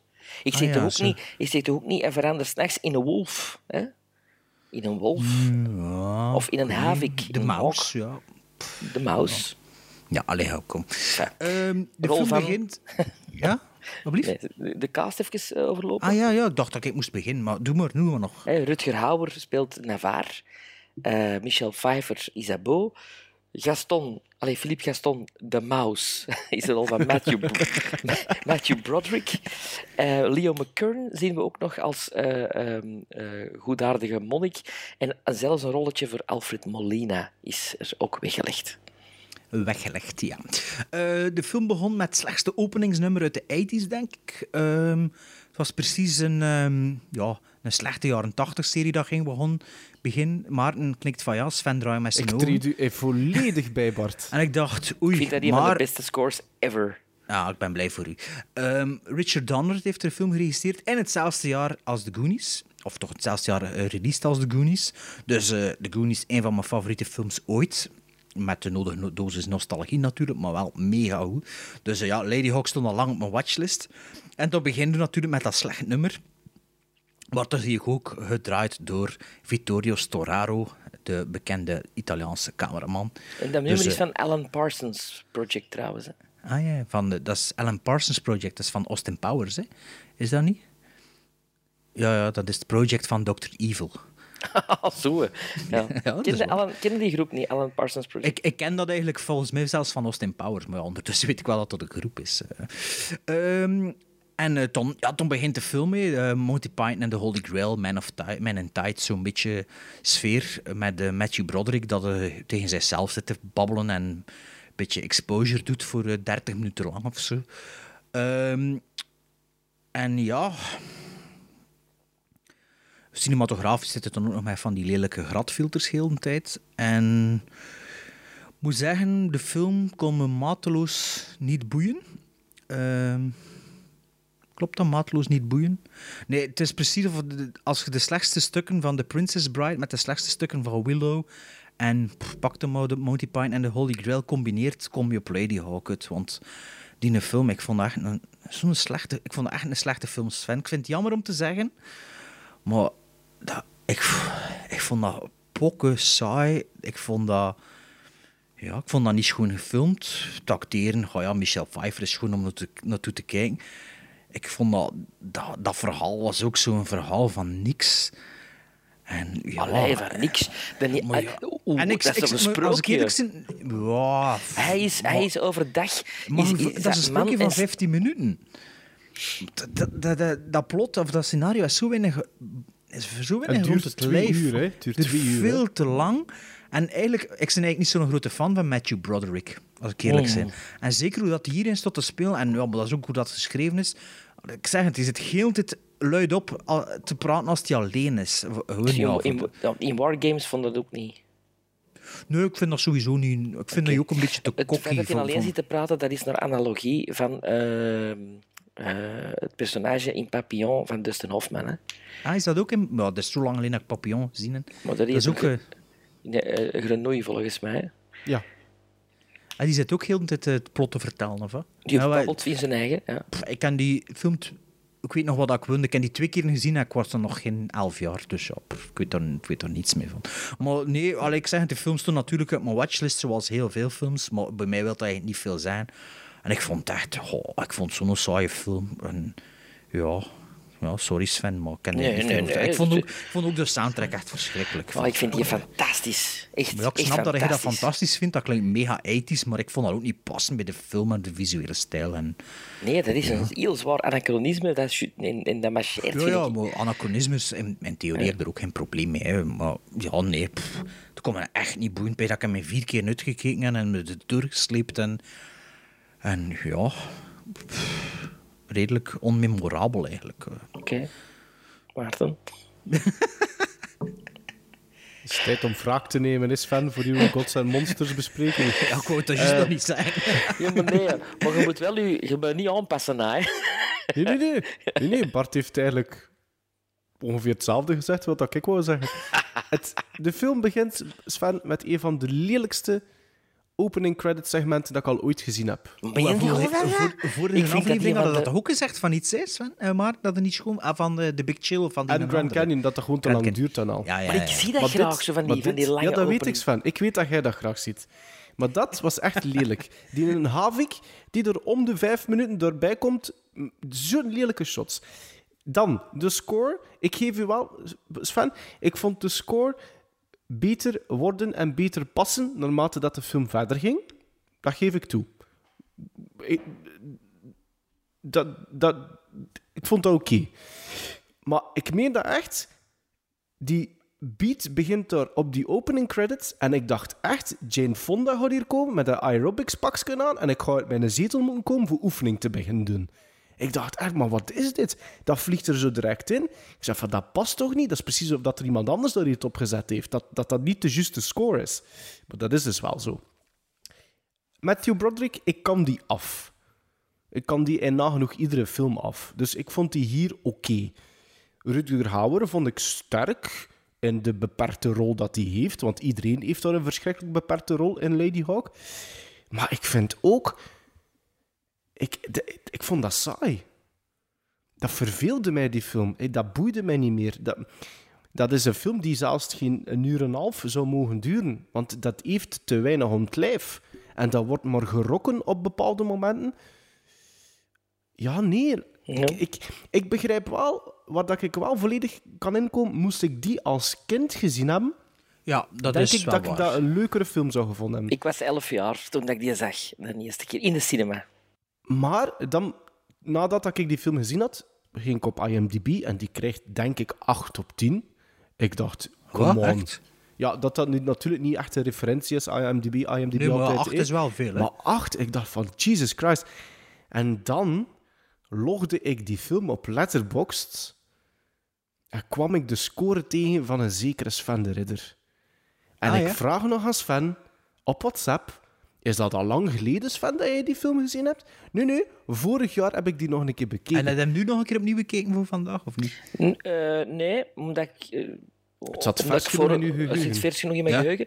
En ik, zal, ik, allee, ik was elf jaar de eerste keer dat ik die zag. Ik herinner dat nog heel goed. Want ik weet nog de cinema al, de metro. En dat was zo'n zaal waar dat het scherm... Dat was een van de eerste zalen met een heel groot scherm dat tot op de grond kwam. En die zaal die ging ook zo een beetje naar boven in een soort van helling, waardoor dat je IMAX-gewijs eigenlijk, als je er zat in die zaal, in dat scherm zat. Ik heb er ook Back to the Future gezien. Ehm, dus dat was een zaal waar ik al sowieso naar uitkeek. Ik keek uit naar die film door een fragment op première met Jo Rupke. Dat fragment dat hij liet zien was de aanval van Rutger Hauer op zijn paard met zijn kruisboog met die, met die andere ridders.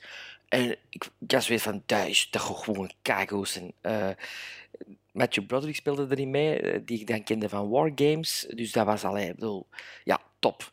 En ik vond dat als elfjarige een ongelooflijke avonturenfilm met een heel romantisch verhaal, een heel romantisch sprookje. Top. Nu, we hebben hier op DVD op Blu-ray en ik heb die ooit nog eens teruggezien als hij op VHS uitkwam, denk ik. Maar nu op Blu-ray was het toch al enkele jaren geleden en ik heb die opgezet.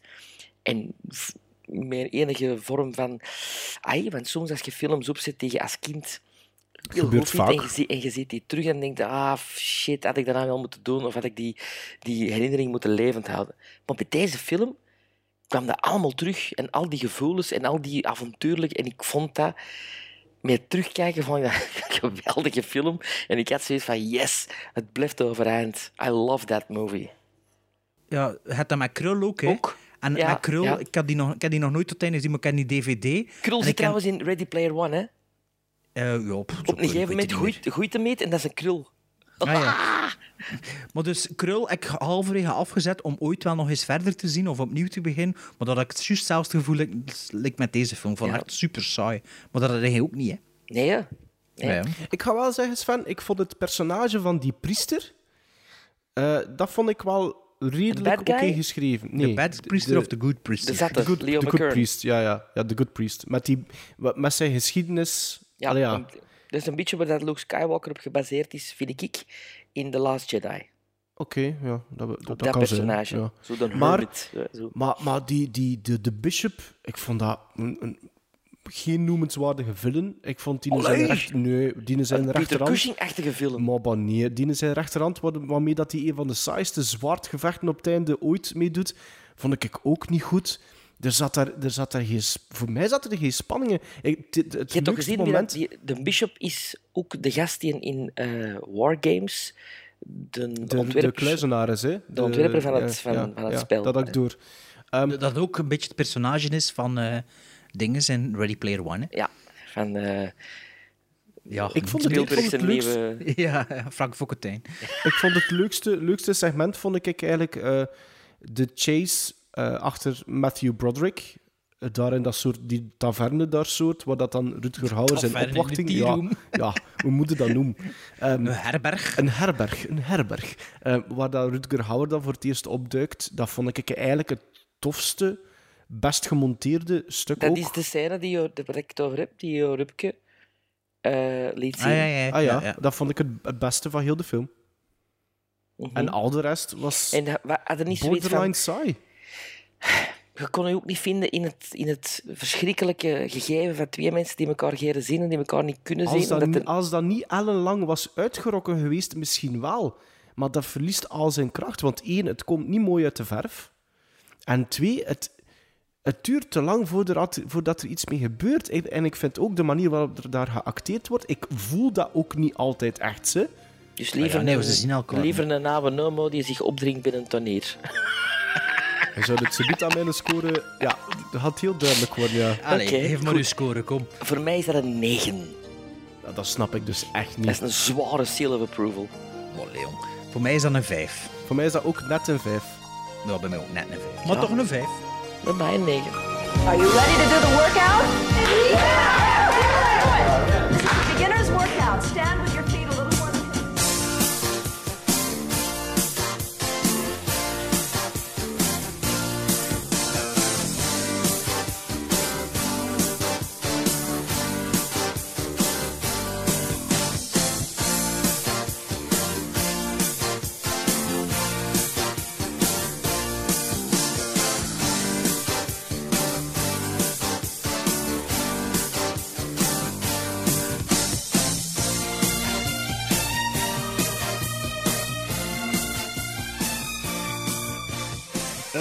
nog een film van Fokke gekregen, Doctor Who and the Daleks.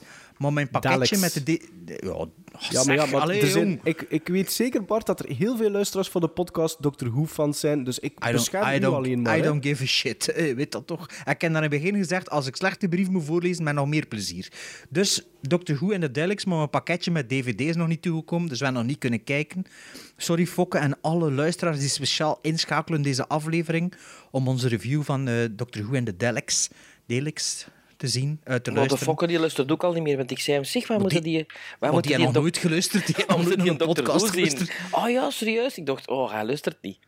Tuurlijk luistert hij niet, wist hij dat niet. Dus eh, die film komt ooit wel een keer eh, wanneer dat pakketje er is. Ik kan nu niet zeggen volgende aflevering, want als het er dan nog niet is, dan... Allee, ja, we zien wel wanneer. We gaan dat dan wel weer lanceren. Maar voor de volgende aflevering doen we wel weer nog iets van films kijken en zo.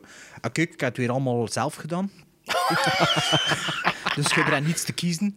Ehm, nee, volgende aflevering doen we een 2018 aflevering.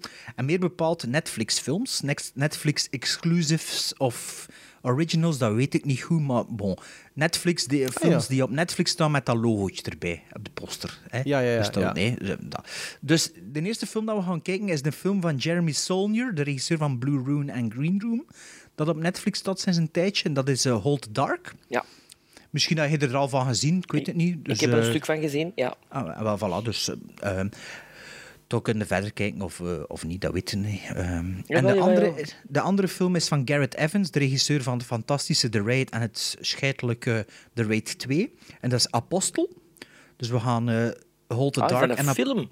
Ja. Dat dat een reeks was, Apostel. Nee, Nee, Hold met the- Dan Hold the- Stevens. Ja, Hold the Dark en Apostel gaan we gezamenlijk kijken.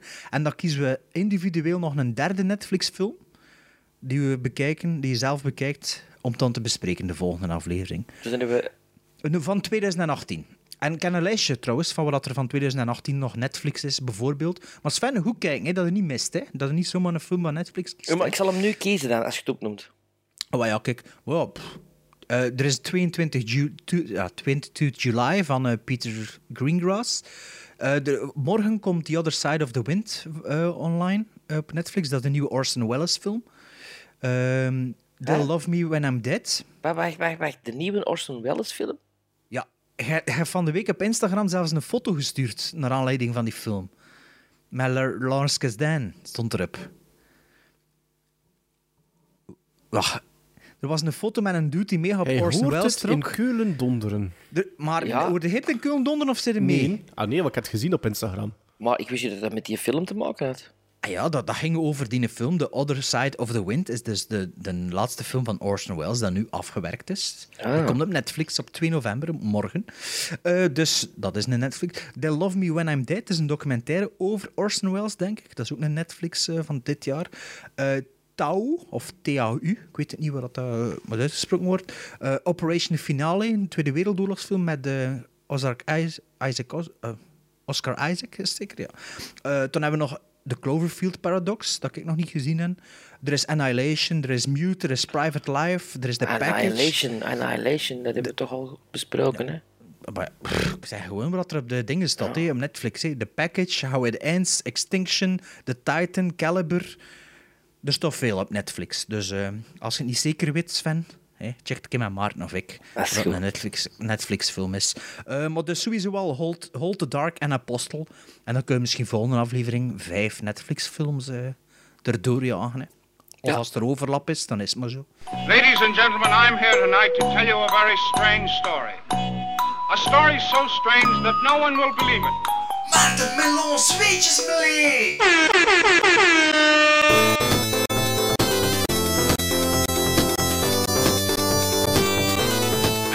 My partners and I, have brought back the living proof of our adventure.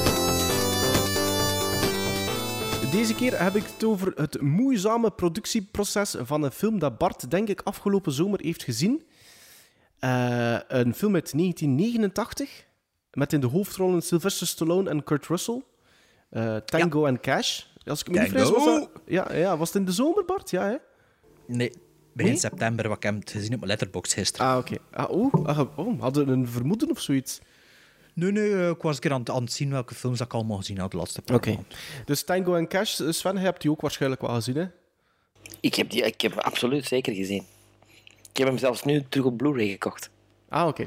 Dus het vertelt het verhaal over twee agenten die elkaar niet afkunnen uit Los Angeles, die door bad guy Eve Perret, een rol van Jack Palance, eh geframed worden en achter de tralies vliegen en verplicht worden om alsnog samen te werken.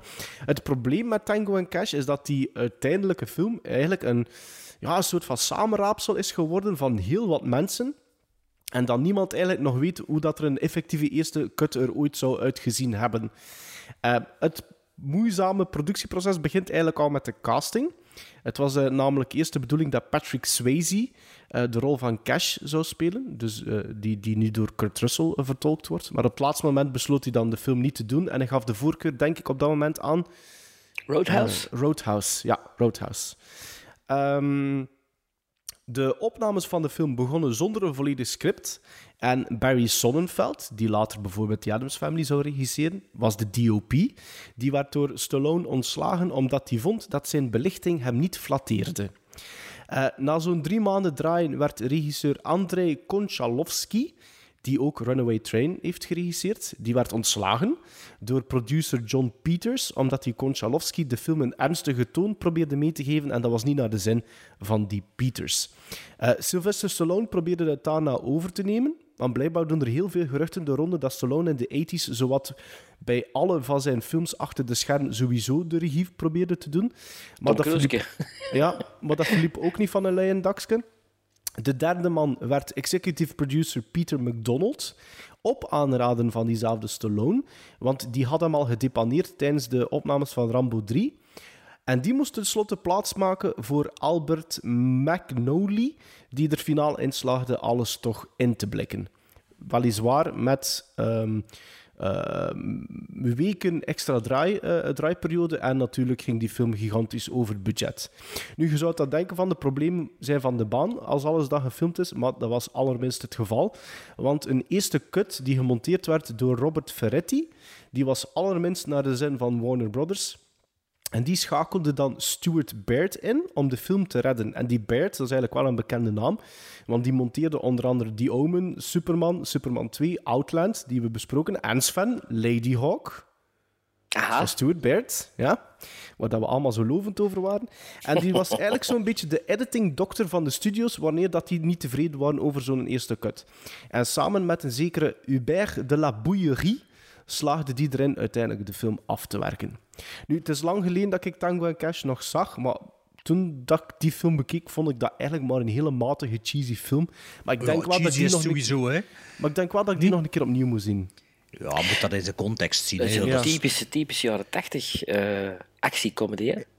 Is, is Stallone niet zo superrijk en doet hij dat een beetje als hobby, flieksen? Ik weet dat niet meer goed. Hij is de Porsche, hij is de Eh, hij van is het twee. Hij is de Porsche en Kurt Russell is zo de, de, de niet Street street guy, street guy, ja. ja, ja. Ah, kijk, ik heb dat 6,5 gizmos gegeven op 5 september.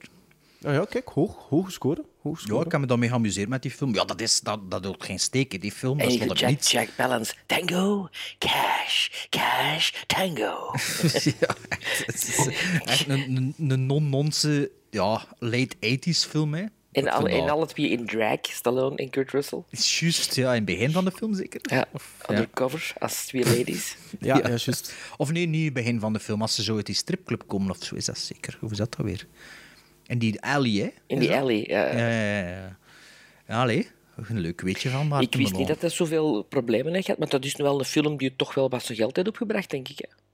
Goh, ik weet dat eigenlijk. Ik weet wel nog dat die film uitgekomen is, dat weet ik nog. Is, dat is geen canon, hè, of wel? Nee, dat denk zo aan, niet. het is Dat geen ik Dat is canon. een nee, het Warner, een Warner Brothers waarschijnlijk. Van wie dat is, dat weet ik niet. Was dat ondertussen nog... Was Canon er nog? Ja. 89? Wanneer is dat gestopt, Canon?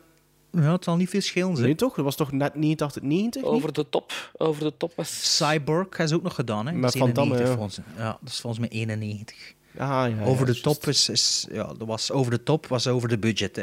Dat was bijna afgelopen. Hè. Over de top en Masters of the Universe. Dat is juist. You have anything to add, Mr. Cash? Yeah. No. Yeah. No, no. Yeah. No. Mr. Tango has uh, spoken very eloquently. And I wish I could be as forgiving. But I can't because this whole thing fucking sucks. I mean, this is the biggest pile of shit. Your Honor, Your Honor. Order. Your Honor. Your Honor. Your Honor. Order. Your Honor. Be seated, Mr. Cash.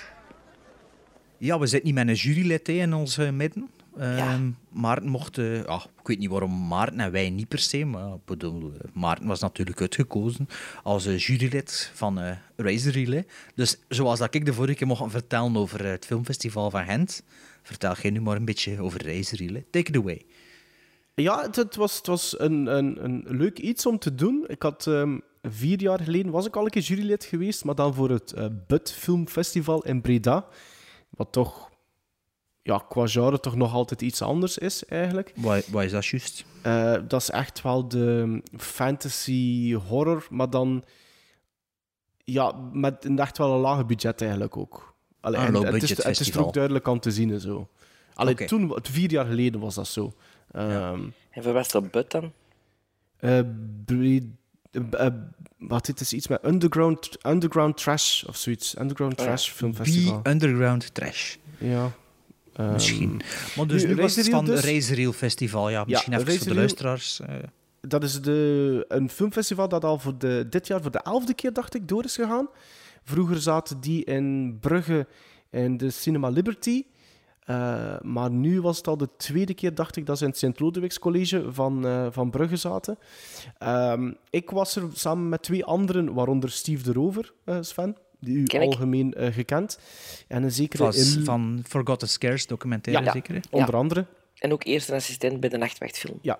Ehm, en een zekere Elizabeth Schuchs, die een storyboard artist is, die eh, geboren is in Chicago, maar nu sinds een jaar in Brugge woont. En die vorig jaar eh, te gast was, ook omdat ze een kortfilm eh, eh, draaien had op het fi- filmfestival. En wij waren verantwoordelijk voor de Young Blood categorie. En dat zijn... eh, we Ah, moesten- gewoon niet de echte jury. Ja, maar je hebt de Young Blood categorie en je hebt blijkbaar de Milice d'Argent. Ah, dus de dat zijn, twee Melis? dat zijn twee verschillende... Ja, Melons, Dinges. weetjes Melis. dat zijn dus twee verschillende awards dat ze uitreiken. Twee verschillende juries dus. Ja, twee verschillende juries. En de Young Blood eh, Award gaat eigenlijk naar een film. Die film mag eh, enkel ofwel het directorial debuut zijn, ofwel zijn tweede film. Of haar tweede film. Dus daar stopt het ook. Het moet een van de eerste tweede, twee featurefilms zijn.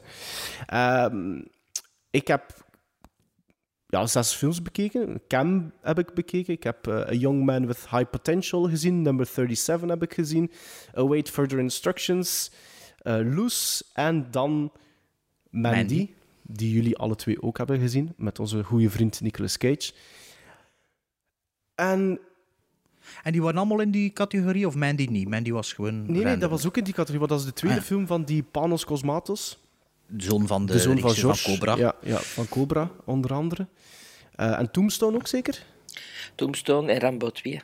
Ja. Ah ja, ja, juist. Ja, Ehm, het is uiteindelijk Mandy niet geworden. Het is het Zuid-Afrikaanse nummer 37 geworden die met de award is gaan lopen. Ehm, dat mag ondertussen ge- gezegd worden, natuurlijk. Ehm, over een man die geld leent bij een loan shark om eigenlijk drugs te gaan kopen, om zijn leven te beteren. Daar komt het op neer. Maar dat loopt natuurlijk mis. Wat ik nu zeg zijn niet echt spoilers, want dat zijn effectief de eerste vijf minuten van de film. Maar dat loopt volledig mis, die deal. En eh, je ziet dat die man eh, zwaar toegetakeld geweest is, want die is nu verlamd. Die zit in een rolstoel. En het is een beetje een hommage aan eh, gangsterfilms, maar ook Rear Window. En dat mogen we heel letterlijk nemen, want hij krijgt van zijn vriendin een verrekijker. Verrekijker. Ja. En zo begint de film. En Dat- speelt zich af in Zuid-Afrika? ja, ja, ja, speelt hem ook af in Zuid-Afrika. Is er een nieuwe Neil, Blom, Neil Blomkamp ontdekt, of niet? Het is een vrouwelijke regisseuse ehm, die met de middelen die ze ter beschikking had, eigenlijk een hele broeierige, natuurlijk geholpen door de setting, maar een hele broeierige film heeft te, ma- heeft, heeft weten te maken, die voor mij narratief misschien goh, iets te simpel misschien was voor de volledige runtime, maar het blijft een sterk debuut. Maar Ehm, toch gewonnen. door ja, toch gewoon, maar het, is, wat- het was een sterk debuut. Hè. En ik moet wel zeggen, het was een hele sterke programmatie ook. Want En was ze er? nee, ze was er niet. Nee, ze was er niet. Dat is altijd jammer natuurlijk, maar ja. Ja. Eh, Zeg, en, eh, en Mandy? Wij Nee, nee, er eerst die andere films. Eerst die andere films hadden nog wat tegenstrijdig, hè, Mandy? Ja, ja, wat wil, wat wil doen? Mandy? Maar eerst die andere films, hè, dan Mandy. Ah ja, wel, wat is er wel nog? Eh, Cam ging over een, een webcam. Oh, het moet niet allemaal zijn waarover dat ging. Hè. Zeg gewoon dat het goed vond. voor mij ging het... Voor Anders duurt dat hier nog persoonlijk- 20 minuten. Voor mij persoonlijk ging het tussen eh, number 37 en Cam. Dus wat ik juist ging zeggen, dat gaat eigenlijk over een webcam-model die eh obsessed bezig is met eh, hoge ratings te krijgen en meer ja, betalende klanten. En plots merkt hij dat ze, terwijl ze offline is, dat er live shows van haar doorgaan. En die persoon die dat doet, eh, is haar Lijkt dubbelganger. Ah, ja. Is haar Oh. dubbelganger, ja. Vind ik een goede Een hele gegeven. goede premisse. Ja, eh, wel de tweede film, dacht ik, van die man. Die eh, film is gekocht trouwens door Netflix. Dus binnen afzienbare tijd. Ah, gaan mogen we hem die- bespreken? ja, gaan we hem kunnen bekijken. Ehm, dus voor mij ging het tussen die twee. Maar het is dan uiteindelijk nummer 37 geworden. Ehm, en dan verder had je nog Mandy. En Ehm, hoeveel dagen zit je daar geweest dan? ik ben er maar twee dagen geweest. eigenlijk. Ik ben de je vrijdag... screeners, screeners gekregen? Ja, of zo? ja, ik, Ah, Het, ik kon het via Screenzo, omdat dat met mijn werk sowieso niet lukte om iedere avond naar Brugge te rijden. Ah, ja. Eh, ik ben er de vrijdagavond Mandy gaan bekijken op groot scherm. En dan heb ik de dinsdagavond moest ik sowieso gaan delibereren met de andere twee juryleden. Het lang geduurd. Eh, twee uur. Die deliberatie? Ja, ja, ja. Omdat ik nogal overtuigd was van Cam en zij waren nogal overtuigd van nummer 37. En dan Ah, zijn ja. we tot de consensus, eh, consensus toch gekomen. Dat hij En niets te zeggen had, dat, eigenlijk. ik- dat ik moest inbinden, ja. Ja, en eh, nee, maar het was, het was, het was, allee, het was een- de juiste keuze zo uiteindelijk. Ehm, maar daar ben ik wel nog blijven plakken, want ehm, als je de award hebt uitgereikt, ben ik ook nog ehm, blijven kijken naar de slotfilm. En dat was Utøya. Ja, dat is, ook 22 juli, ja, hè? Want Bart, je, je sprak daar over die eh, van Paul Greengrass. Ja. Maar er is dus een ander film over die eh, aanslagen in Noorwegen. eh, door een Noor zelf, Erik Poppe, dacht ik, als ik me niet vergis. Nee, de aanslag was toch Brightsliff, of niet die? De Nee, nee, regisseur, de Bart. regisseur, Bart. ja. Ehm, En ik moet wel zeggen, dat was, dat ik vond dat wel een hele sterke film. Ik heb dat nog gehoord, want die speelde geen Gent ook op filmfestival. ik vond dat echt een, gezien, een, maar een hele realistische, een realistische en sterke film. niks, niets voor Sven dus. Eh, nee, niks voor Sven. Zeker geen heroïsme eh, in op te merken, Sven. Hoe noemt u nu weer die eh, terrorist? Anders, Anders, Anders, Anders Breivik. Breivik. Breivik. Breivik, ja. ja, Breivik, ja, inderdaad. Maar dus eh, Mandy, zeg het een keer. Hij als western horrorliefhebber. Mandy heeft een te traag eerste helft. Ik vond de tweede helft vond ik beter. Ja. Ik begreep ook veel van, het, van de symboliek die de regisseur erin wil steken, maar er zijn dingen die mij ontgaan, dat ik gewoon geen kennis over heb. Maar ik vind over het algemeen Style dat er wat, meer schwung, er wat, wat meer schwung Ja, in Style over Substance, dat is een goede Ja, ding. ja, ja, dat ik vond ik wel, ook. de begingeneriek vond ik wel mega chic. En, en een hele goede track erop. Vond ik Ja, een hele ja, sterke track. zo in, in maar de Dardenne- score... Allee, het is in Dardenne gefilmd, die volledig. Ja, in Luxemburg. Luxemburg, hè? Eh, ja, Belgisch dacht Luxemburg dan misschien. Ja. Dus wel in Bel met een grotendeels Belgische crew gemaakt. Ehm, ik vond de score van die Johan Johansen die overleden is. Ja, onlangs, zijn laatste score ooit. Vond ik wel heel mooi. Vond echt wel een goede score. Ehm, Ja. Maar ik vond het wringt een beetje. Man, die wringt een beetje. Het is, er zijn, ik denk dat er heel veel mensen zijn die, die gaan raven over de symboliek en die daardoor hele hoge scores geven. Maar ik vind dat, dat, dat eh, as a whole is het een beetje uneven, de film. Ja, ik vind dat Eh, ook. Ik zeg het heel, dat, dat die eerste 45 minuten... Ik snap het wel, maar het kon ook... Vanaf, kon vanaf wel- wanneer dat Nicolas Cage echt de hoofdrol krijgt, Ja, ja. begint het interessant te worden. Hè. Ik denk dat we al drie dat- wel vinden. Was misschien, dat was misschien ook wel effectief de bedoeling, hè? want je voelt ook dat er effectief twee delen zijn. Iedereen is er ook over eens. Hè? Er zijn twee Ja, delen in Mandy. het wordt ook letterlijk pancartes tussen Ja, gestoken. ja, dus ja. ja. En heavy Dus, metal, eh, ode aan heavy metal onder andere. Ja, Ehm, maar ik vind het wel, visueel, wel het, is wel, ja, het is wel visueel interessant en al. Ik vind het ook wel... ja, produ- production value, value aan Mandy is op alle vlakken steen goed. Hè? De montage, de, de, de, de, de cinematografie, eh, de, de, de sound design, dat is, dat is allemaal En ik vind ook wel, het is zo wat, hé, inderdaad wat Lynchiaans en wat dit en dat en wat rare cinema, maar het is toch zijn eigen stem ook wel. Ik vind dat niet kunt zeggen, het is exact de diene nageaapt of de diene. Nee, nee. Het is zo'n weird regisseur, maar wel een eigen stijl, Ja, vind ik. voor mij is- voor Allee, mij deed het nog Beyond een the beetje- Black Rainbow heb ik wel niet gezien. Ik ook niet. Maar het schijnt, Nee. is, is zo'n beetje een voorloper van Mandy. Hè? Dus, dus er komt het, eh, de, de thematiek is een beetje hetzelfde, het schijnt. Ah ja. Ehm, het deed mij een beetje, af en toe een beetje denken aan Abel Ferreira. Dat is het enige wat ik zo'n beetje, Ja. zo'n beetje knipogen. Like bijvoorbeeld ook Bad Lieutenant bijvoorbeeld, vond ik daar wel eens een beetje in zitten. Ja, de, de Ja. tweede, De hè? Keitel, hè? Nee, Nicolas, nee, Keitel. Nicolas nee. Cage versie. Of Ah. Nee, Keitel. Keitel. Echt? De, ma- de manier waarop dat die de, opgebouwd is. En, Ja, en Ja. ook van cinematografie een beetje, ja, dingen zei, eh, Dario Argento en ja, zo. hè. de, Allee, de belichting ook bijvoorbeeld. Ja, voilà, dat bedoel ik. Ja. Maar ik weet het niet. Ik vond... Je- eh, Eigenlijk waren wij er eigenlijk direct over eens, allee, als ik met mijn Als mede ja, dat we die links gingen laten liggen, want je voelt ook, die gast heeft op gigantische sets gestaan. Dat is niet iemand die met een, met een heel karig budgetje zijn of haar droom heeft proberen te verwezenlijken. Nee, dat is iemand die gebackt Dat is was de zijn... opdracht, niet als Youngblood. Nee, nee, het is iemand ja. echt ook eens een, een duwtje in de rug geven. ehm, want Een groot festival als Razor Reel kan natuurlijk veel betekenen voor zo'n beginnende, regisseur. Hè. ja, Hey, maar je kunt als het inderdaad niet wel... Als het niet aan Razor Maar je had dat- gelegen, had ik nooit niet kut gezien. Hè? Ah, ah, ja. Maar had er- je kunt daar, Ah, ja, je kunt er ja, inderdaad wel een beetje grappig over doen, maar Nee, ja, natuurlijk... nee, nee, nee. Nee, hoor. nee, maar nee, kut, nee, kut vond ik een ontdekking. Ik bedoel dat niet slecht, ik bedoel dat niet slecht. Maar voor die makers is dat wel een, een, een icoontje dat zij op hun filmposter kunnen Dat is wel plakken. waar, inderdaad. Ja, ja, ja. En dat helpt misschien, dat, is ook, dat, is, dat was ook een sterk punt van die Elizabeth. Dat is een sterk punt om eventueel wel een volgende film te realiseren, om Dat is funding wel te waar. krijgen. Ja, ja, dus, ja, ehm, en het feit, allee, niet dat dat er zou toe mogen doen, maar het feit dat dat een, een, een Zuid-Afrikaanse vrouw was die dat geregisseerd heeft. Was het zwarte? Ik weet, Dat het, weet niet. ik niet. Ik weet het niet. Ik heb er geen was er foto van gezocht. Dat was er niet, Bart. Nee, ze was er ook Was haar niet. naam Nelly Mandela? Nee, nee, nee. Ah, dan weet ik het niet of ze zwart was, was of het, niet. het was, het was kortom een hele aangename ervaring en het publiek eh, was ook fantastisch. Zij- en Reel. had je een podcast gezien daar eh, na de voorstelling? Nee. Ah nee? Ah, ja. Want, Want ik was wij waren maar ook gevraagd. en dat was normaal Ja. gezien het Gremlins Strike Back filmpodcast Ah, ja, ja. slot. Maar Sven kon niet zeker. Nee, jong, ik zit druk bezig. Ja. Ik heb het gezien op je stories. Je zat nog Annie te zien of zoiets. Of nog... Annie? Ja, of Dancing with the musical. Stars. Ah ja, Dancing with the Stars. Nee, nee, dat was een uitgesteld relais. Uitgesteld relais. Is dat geen pleonasme? Oh, nee. De laatste twee afleveringen zitten echt wel op taal gefixeerd, Bart. Ja, ik weet het. Ik maak zelf mega veel taalfouten. Als ik aan het monteren ben, hoor ik dat.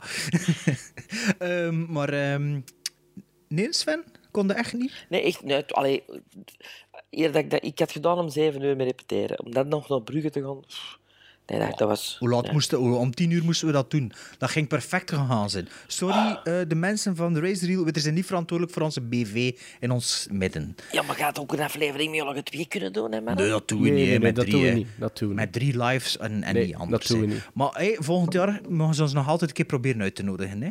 Ja. Maar ja, niet, niet in juli al. hè. Dat is te vroeg om te weten, zeker Sven. Dat is een beetje te vroeg. Are you ready? Yes. Excellent. This is the uppercase A. is A, A, A, A, A, E, Icky, O, Ooh, Ooh, Ooh, Icky, A, E, I, O, Ooh, Icky, I, O, Ooh. A, B, C, D, E, F, G, H, I, J, K, L, M, N, O, P, Q, R, S, T, U, V, W, X, Y, Z. Huh? That's all you have to do. Gremlins Strike Back. De letter E. Eh, in mijn collectie niet zo'n vrij gerepresenteerde letter E, de movie-alfabet dus. Ehm, waarbij dat we, ja, we zijn begonnen met de letter A, dus een ideetje van Maarten. We gaan dus door onze collectie en we nemen een film eruit die ofwel opmerkelijk is, of interessant, of super slecht, of er is iets mee aan de hand. En eh, we bespreken die en we raden die aan, of we raden die af, of we doen er iets mee. In elk geval, we zitten vandaag aan de letter E. Hupla, rijmen en dichten zonder, Zonder mijn uw gat op te lichten. Eh, Sven, heb je geen letter E in uw collectie gevonden? Ik heb veel letter E's. Ik, heb- ik had helemaal geen probleem met een film te vinden. Ik, trouwens, het was denk ik de tweede film waar ik aan dacht. Het is een film uit 61. Hoe de tweede film? Ah ja, ja de de eerste eerste niet? Ja, omdat het daaraan dacht, maar dan vonden een betere. Nee, omdat ik daar aan dacht en dan denk ik van, ja, E.T. Is- Ja, ja, open deuren, hè. Open deuren in trap mee. Ja. Maar dus, ehm, ik heb een eh, vrij grote verzameling in mijn dvd-teek van Jerry Lewis.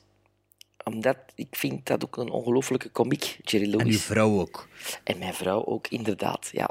En niet alleen een geweldige komiek, maar dat is ook een ongelofelijke regisseur als het aankomt op komische films. Want hij is ook de man die verantwoordelijk is voor de video-assist. Hetgeen wat wij nu allemaal heel vanzelfsprekend vinden, dat je eh, op de set direct kunt terugzien naar wat je gefilmd hebt, dat was in een tijd met pellicule eigenlijk niet zo evident. En hij is daarmee begonnen met eh, op de set een machientje dat hoe is dat dan, Bart? Dat hangt zo even de camera, even de lens. Eh, tegenwoordig niet. Tegenwoordig is dat output-signaal van de camera die gewoon Ja, maar als het met afgetapt pellicule wordt. was vroeger, Met was pellicule zat er eigenlijk een soort beeld... Be, ehm, alleen een soort... ehm, ja, als de, de, als de zo- vlinder van de pellicule gesloten was, Dat was zo een klein projecteerde dat, beeld... zo? Ja, zo'n verk, zo'n... Ja, een, een, een, een tube, hè.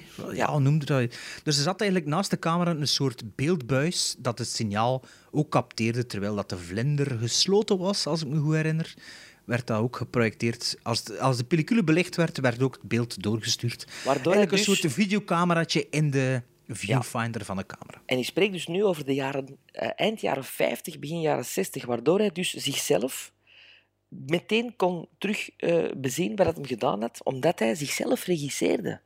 Omdat hij de meeste van zijn films zelf regisseerde. Fantastische uitvinding. En het loont ook, want ik vind heel veel van zijn films een, een schoolvoorbeeld van wat goede comedy is. En bij de E staat er zo'n film, The Errand Boy, uit 61. En daarin speelt hij Morty.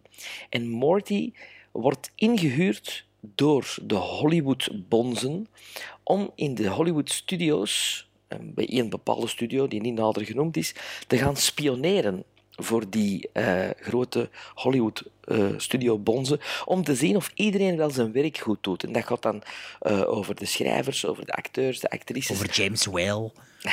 Ja, over zo'n soort mensen. Voor te en hij is zo dom, die Morty, dat hij door zijn dommigheid, zijn Jim Carrey-achtige dommigheid, overal wel binnengerokt. En eigenlijk niet opvalt in eerste instantie. Maar doordat alles in het honderd loopt, eh, valt hij natuurlijk wel op. Het is een aaneenschakeling van, van supervisuele sketches. Maar het is, het is, ja, als je zegt van ik ken Jerry Lewis niet en ik wil beginnen met een Jerry Lewis film. King of Comedy. Nee, dan zou ik met de Errant Boy beginnen. Omdat daar eigenlijk, daar is direct duidelijk van wie of wat Jerry Lewis is. Ja, maar dat is goed, want ik heb eigenlijk nog maar weinig Jerry Lewis films gezien. Ja, ik ook eigenlijk. Dat is echt waar. En niet, eh, niet omdat ik dat niet wil, hè, maar dat is nu gewoon, ja, dat is nu gewoon zo. Ik heb daar echt nog weinig films van gezien. Ja, wel, dat is iets. Ik kan je dat aanraden als je echt goede visuele comedy. Oké. Oké. Ehm, ik heb voor, een, voor twee films gekozen. Het is eigenlijk de originele film uit 2001 en de eh, Hollywood remake uit 2010.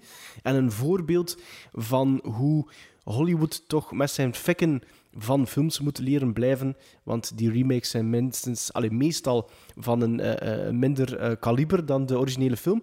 Ik heb het over Das Experiment uit 2001 en de remake The Experiment uit 2010 met Adrian Brody en... En heb je die alle twee in je collectie? Ik heb die alle twee in mijn collectie, ja.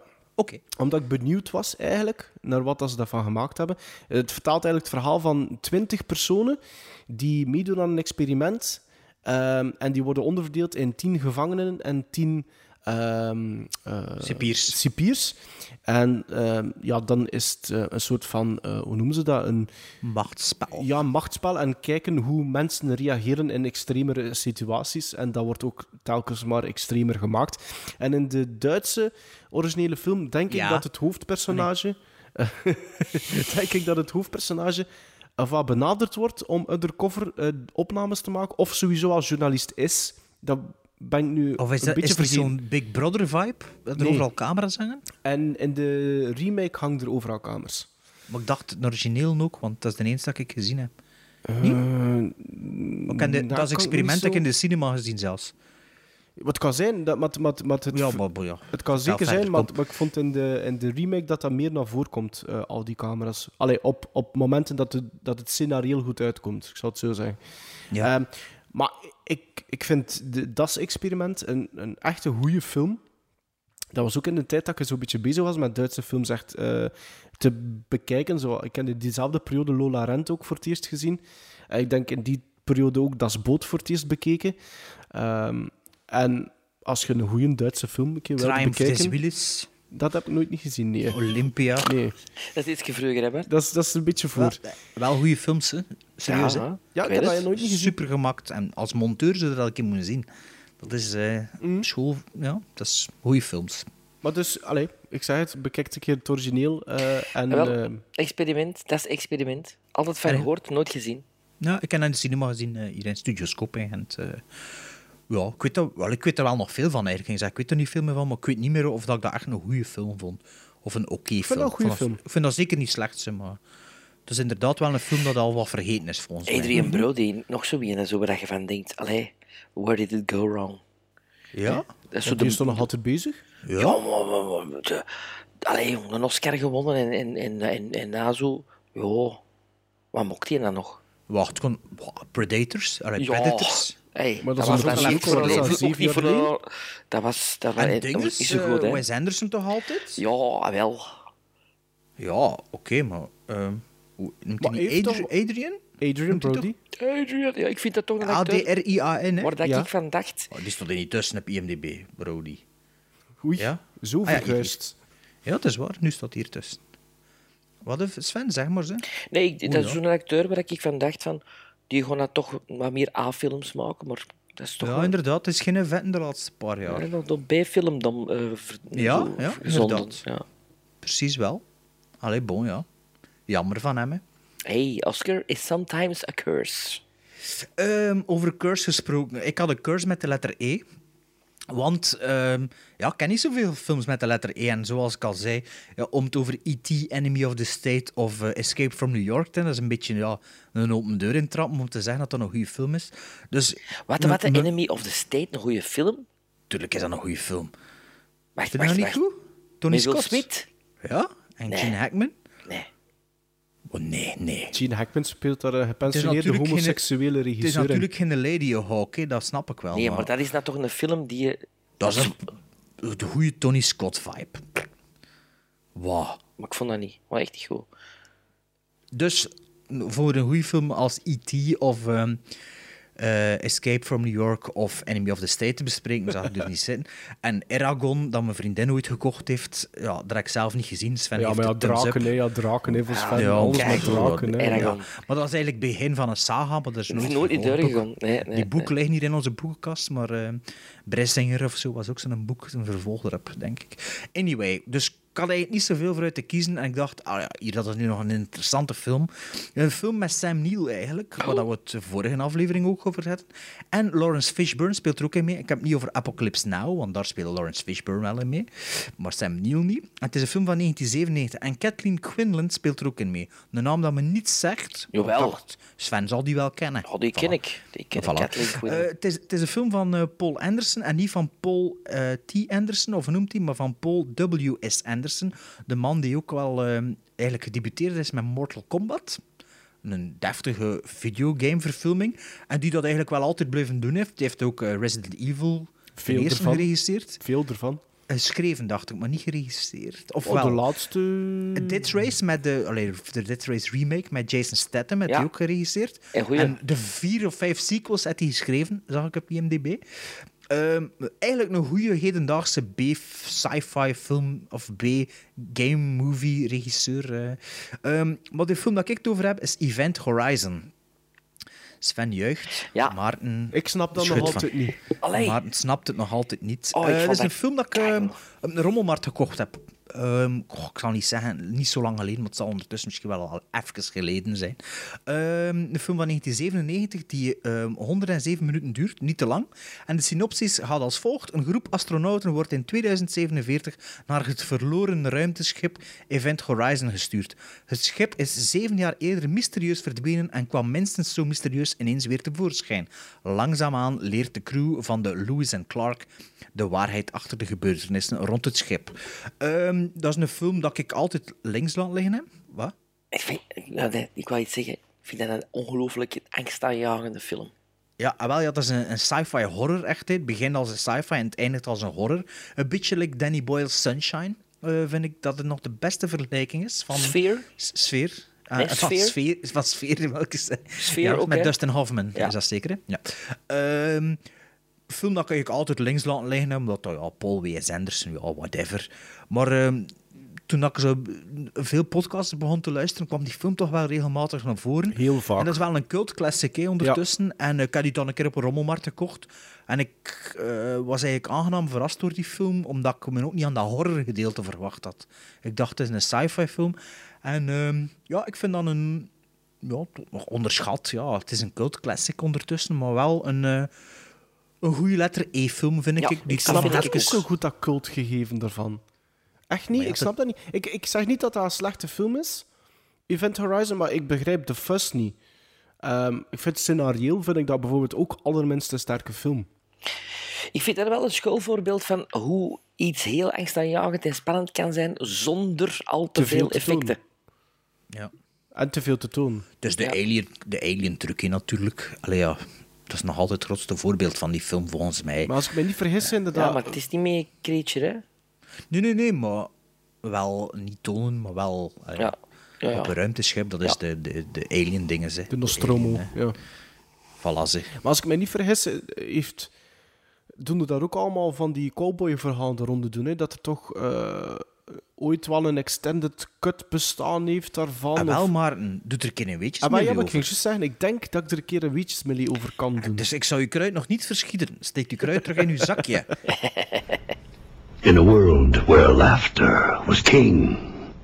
Uh, no in a world, Jack. What do you mean, no, in a world? It's not that kind of movie. Oh? Okay. In a land that. No in a land either. In a time. I don't think so. In a land before time. It's about a comedian, Jack. One man. No. When your life is no longer your own. What, what does that mean? When everything you know is wrong. That's wrong. In an outpost. No. On the edge of space. Just space. A girl. No. Two girls. No. Now. No. More than ever. Stop it. A renegade cop. I hate you. A robot renegade cop. You're fired. You're fired. No, you're actually fired. I'm fired. Get out of the booth, Jack. No, I like it in here. En dan nu een overschotje van de Evil aflevering 64. Namelijk de aflevering waar alles misliep. Misleidende trailers top 5. Vind het, vond het een hele moeilijke opdracht. Wat de Duitse. Wat is dat, een, mis, een, een, eh, misleidende trailer top Ah, wel, 5, dat Sven? is een film die we of een pak slechter vonden dan de trailers liet uitscheiden, of net het omgekeerde. Een bar slechte trailer levert een goede film op. En daar, wat moet je daarmee doen? Een top 5 van maken? of Ja, wat? en dat vond ik dus verwarrend. Wat wat moest ik nou doen? Het een of het ander? Ah, mixen, Ja, een mixen of, of, of- niet, of een keuze maken voor, Of, ja, vijf goede films aanraden. Een Ja. beetje het concept van de podcast, of het idee van de podcast, dat we ons focussen op goede films en niet per se op slechte. Met af en toe een uitzondering. Hè. Oké. Ah, ja. Bijvoorbeeld Lady Hawk of Gods of Monsters en zo. Maarten, wat is jouw vijf? Ah, sorry, ik moet beginnen. Ja, sorry. Hadden we nu heel die aflevering nog met die stemballen? Of, eh? Maarten, wat is jouw vijf? Ik heb eigenlijk wel gekozen voor veelal slechte films. Dus in de geest van de podcast heb dat ik... was- dat zijn we oké. gewend van u, hè? Ja, voilà. Ja, ik heb het merendeel slechte trailers en goede films. Ah, maar kijk, ik begin dus met een goede trailer, maar een bad movie. Het is een film uit 1999. Ik was toen 15 jaar. En het is eh, een film uit een, een hele bekende franchise. En ik weet eigenlijk niet of ik op dat moment eigenlijk al een film van die franchise had gezien. Of toch volledig, of volledig bewust. Maar op die leeftijd wist ik al dat de release van Star Wars The Phantom Menace wel een fenomeen was. Journaals gewijd aan de release, magazine en de trailer van The Phantom Menace heeft alles, hè. Suspense, lightsabers, een interessante nieuwe villain, Darth Maul. En dan ga je naar die film gaan kijken. En op mijn vijftiende vond ik dat toen al... Ik zeg, tja, vond dat eigenlijk zo goed niet. Buiten dat eindgevecht vond ik dat eigenlijk geen zo goede film. En die mening is zeker niet veranderd. Sterker nog, eh, ik denk dat ik The Phantom Menace nog slechter vind nu dan toen dat ik het voor het eerst gezien heb in 99. Maar dat is op nummer 5. Ik vond dat... Weet je, natuurlijk ook door die hype. Maar ik vond dat wel... En ik heb ook alle trailers herbekeken dat ik hier nu eh, opgeschreven heb. Ik vind dat nog altijd geen slechte trailer, The Phantom Menace. Ah ja, dus Nee. ik heb dat niet gedaan, die trailers Dat is- herbekeken. Dat is wel een goede goed trailer, inderdaad. Nu vind ik de Phantom Menace niet zo slecht als dat iedereen dat laat uitschijnen. Weet je wat het is met de Phantom Menace? Het heeft zijn momenten. Het heeft zijn momenten. is, in uw kop is dat, is dat 90% potrace, maar dat is niet. Nee, dat duurt nee, niet zo lang. nee, hè. nee, nee, nee, maar in mijn hoofd is dat wel elke keer dat ik die film Maar dat zie. vind ik nog een van de beste dingen van de film, die potrace. Maar ja, ik ben verbaasd, maar Ja. bij mij is dat, like, dat dat het einde van de film is. Maar ik moet wel zeggen, toen dat de Phantom Menace uitkwam, was mijn Star Wars interesse redelijk, stond op een redelijk laag pitje. Want de jaren ervoor, als ze elk, als ze hel- als ze elk jaar de rem- remastered versies uitgebracht. En ik ben met mijn maat nog de eerste gaan zien. En volgens mij de Empire Strikes, Empire Strikes Back ook nog een keer in de cinema. En tegen The Return of the Jedi zijn we zelfs niet gaan The zien. Return is nooit uitgekomen, remastered. Ah. In de cinema. Ah, daarmee misschien dat ik dat nooit gezien heb. Tom. Nee, want die zijn zelfs remastered en in 3D uitgekomen. In de cinema. In, in ah, nee, 98 dan? Nee. Ja. Dus de... de eh, Ah, ja, ja. ja, De maar- eerste twee. Allee. Ja, en een 3 hebben ze niet meer gedaan. Ah, dat wist ik niet. Ja, daarmee zal het wel zijn. Maar de Phantom Menace, ik vond dat ook niet zo slecht. Ik vond dat niet goed, hè, maar ik vond dat zo... Ik vond dat niet slecht. Ik vond alleen die Gungas verschrikkelijk. En ik heb volgens mij die andere twee nooit in de cinema gezien. Attack of the Clones en... eh, eh, Revenge of the Sith. Ja, ik heb dat niet in de cinema gezien. Die vind ik eigenlijk wel goed, die Revenge of the Sith. Ja. Dat is die Door het laatste. einde. Maar het zit zoveel lelijke CGI in, dat Ja, is dat echt is echt, jammer. echt Ja, zo maar- slecht CGI. En zo'n slechte Green Key ook, maar jongens toch. Ehm, mijn eh, ja, nummer vijf dan maar is een film. Wacht even, want het is al zo lang geleden dat ik die voorbereiding. eh, hè, is een film en het is de debuutfilm van de cinematographer, of de cameraman van Oduvaste. 13 Days, waar dat, eh, James Cameron ook in speelde. Ja. Little Weapon 4, US Marshal, The Devil's Advocate, Dante Speak, Jade, Species, Speed, Falling Down, Family Business, Twins, The Verdict, Dead Trap, The, the, the Prince of the City. Hij regisse- regisseerde ook Exit Wounds, Doom en Cradle to the Grave. En eh, dat is de regisseur genaamd Andrei, Ander, Andrzej Bartkowiak of zoiets. Dus dat, zal, dat, dat zal een Pool zijn, zeker van die Poolse films, weet ik veel. En het is een film van 2000. En eh, we zagen die trailer en dat was van de producers van The Matrix. En we zo, wow, dat moeten we zien, dat ziet er zo cool uit. Een film met Jet Li en Alaya, van, eh, ja, die dat dood is. Eh, die rapster of, of soul R&B-zangeres. Niet van TLC volgens mij, maar zo'n andere, die ook eh, neergestort is met een vliegtuig. Ehm, dat is een film van 2000 en eh, ik ken het dan over Romeo Must Die. Met Alia. Ja, Alia, of wat zei ik? Alaya? Oh ja, Alia. Echt een ongelooflijke saaie strontfilm. En als je de trailer gezien hebt, heb je het altijd interessante gezien. En, Maar ja, de trailer weet- is goed. De trailer, ja, wij destijds, allee, ik en mijn vrienden, van allemaal iets van, ja, dat willen we zien. En zeker als het op de Matrix trekt, willen we dat zien. En dat was echt zo misleidende, je fan van misleidende de Matrix?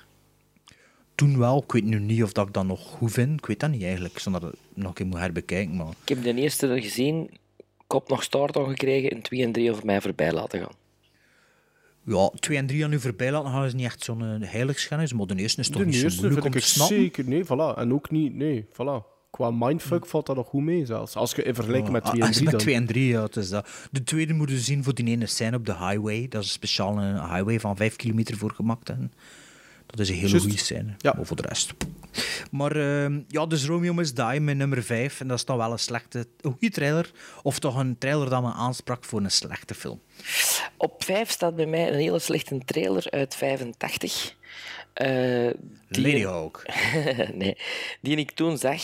Eh, en ik was getriggerd door John Landis als regisseur. En Jeff Goldblum speelt erin mee, Michelle Pfeiffer, eh, Dan Aykroyd. Dus ik dacht van, oké, ja. En ik zag die, die trailer en dacht van, oei, oei, Into the Night. Nee, dat is niks voor mij. Brr. Tot ik die film een paar jaar daarna ehm, op VHS zag. En ik was helemaal wild van die film, want het is een beetje de West Coast versie van After Hours van Scorsese. Het gaat ook over een, een man, Ja? Jeff Goldblum, die eh, door omstandigheden in allerlei situaties verzeild geraakt op ene nacht in eh, L.A. Into the Night. Dus een trailer niet goed, film heel goed. Oké. Ik had er nog nooit niet echt van gehoord, zelfs. Ik denk van wel, maar ik heb hem zeker niet gezien. Het zit wel aan de nummer 4. Hè. Nummer 4 is een film waar dat we het net heel eventjes over gehad hebben, eigenlijk. Ehm, een hele goede trailer, mindere film. En dat is de sequel op The Matrix, namelijk The Matrix Reloaded uit 2003. Ehm The Matrix, immense hit was dat, dat blijf ik, in tegenstelling tot Sven, dus een goede en interessante film vind. Ehm, de sequel was voor velen highly anticipated. Ook voor mij eigenlijk. Voor iedereen, nee. En ja, de is trailer was geweldig. De, de trailer was, was, was amazing. Flarden van bijna alle actiescènes uit die film. Die, die weird twins met hun dreadlocks. Ehm, een- als eerste shot een, een, een bebloede Trinity die uit een, skyscraper valt, eh, valt als schietend.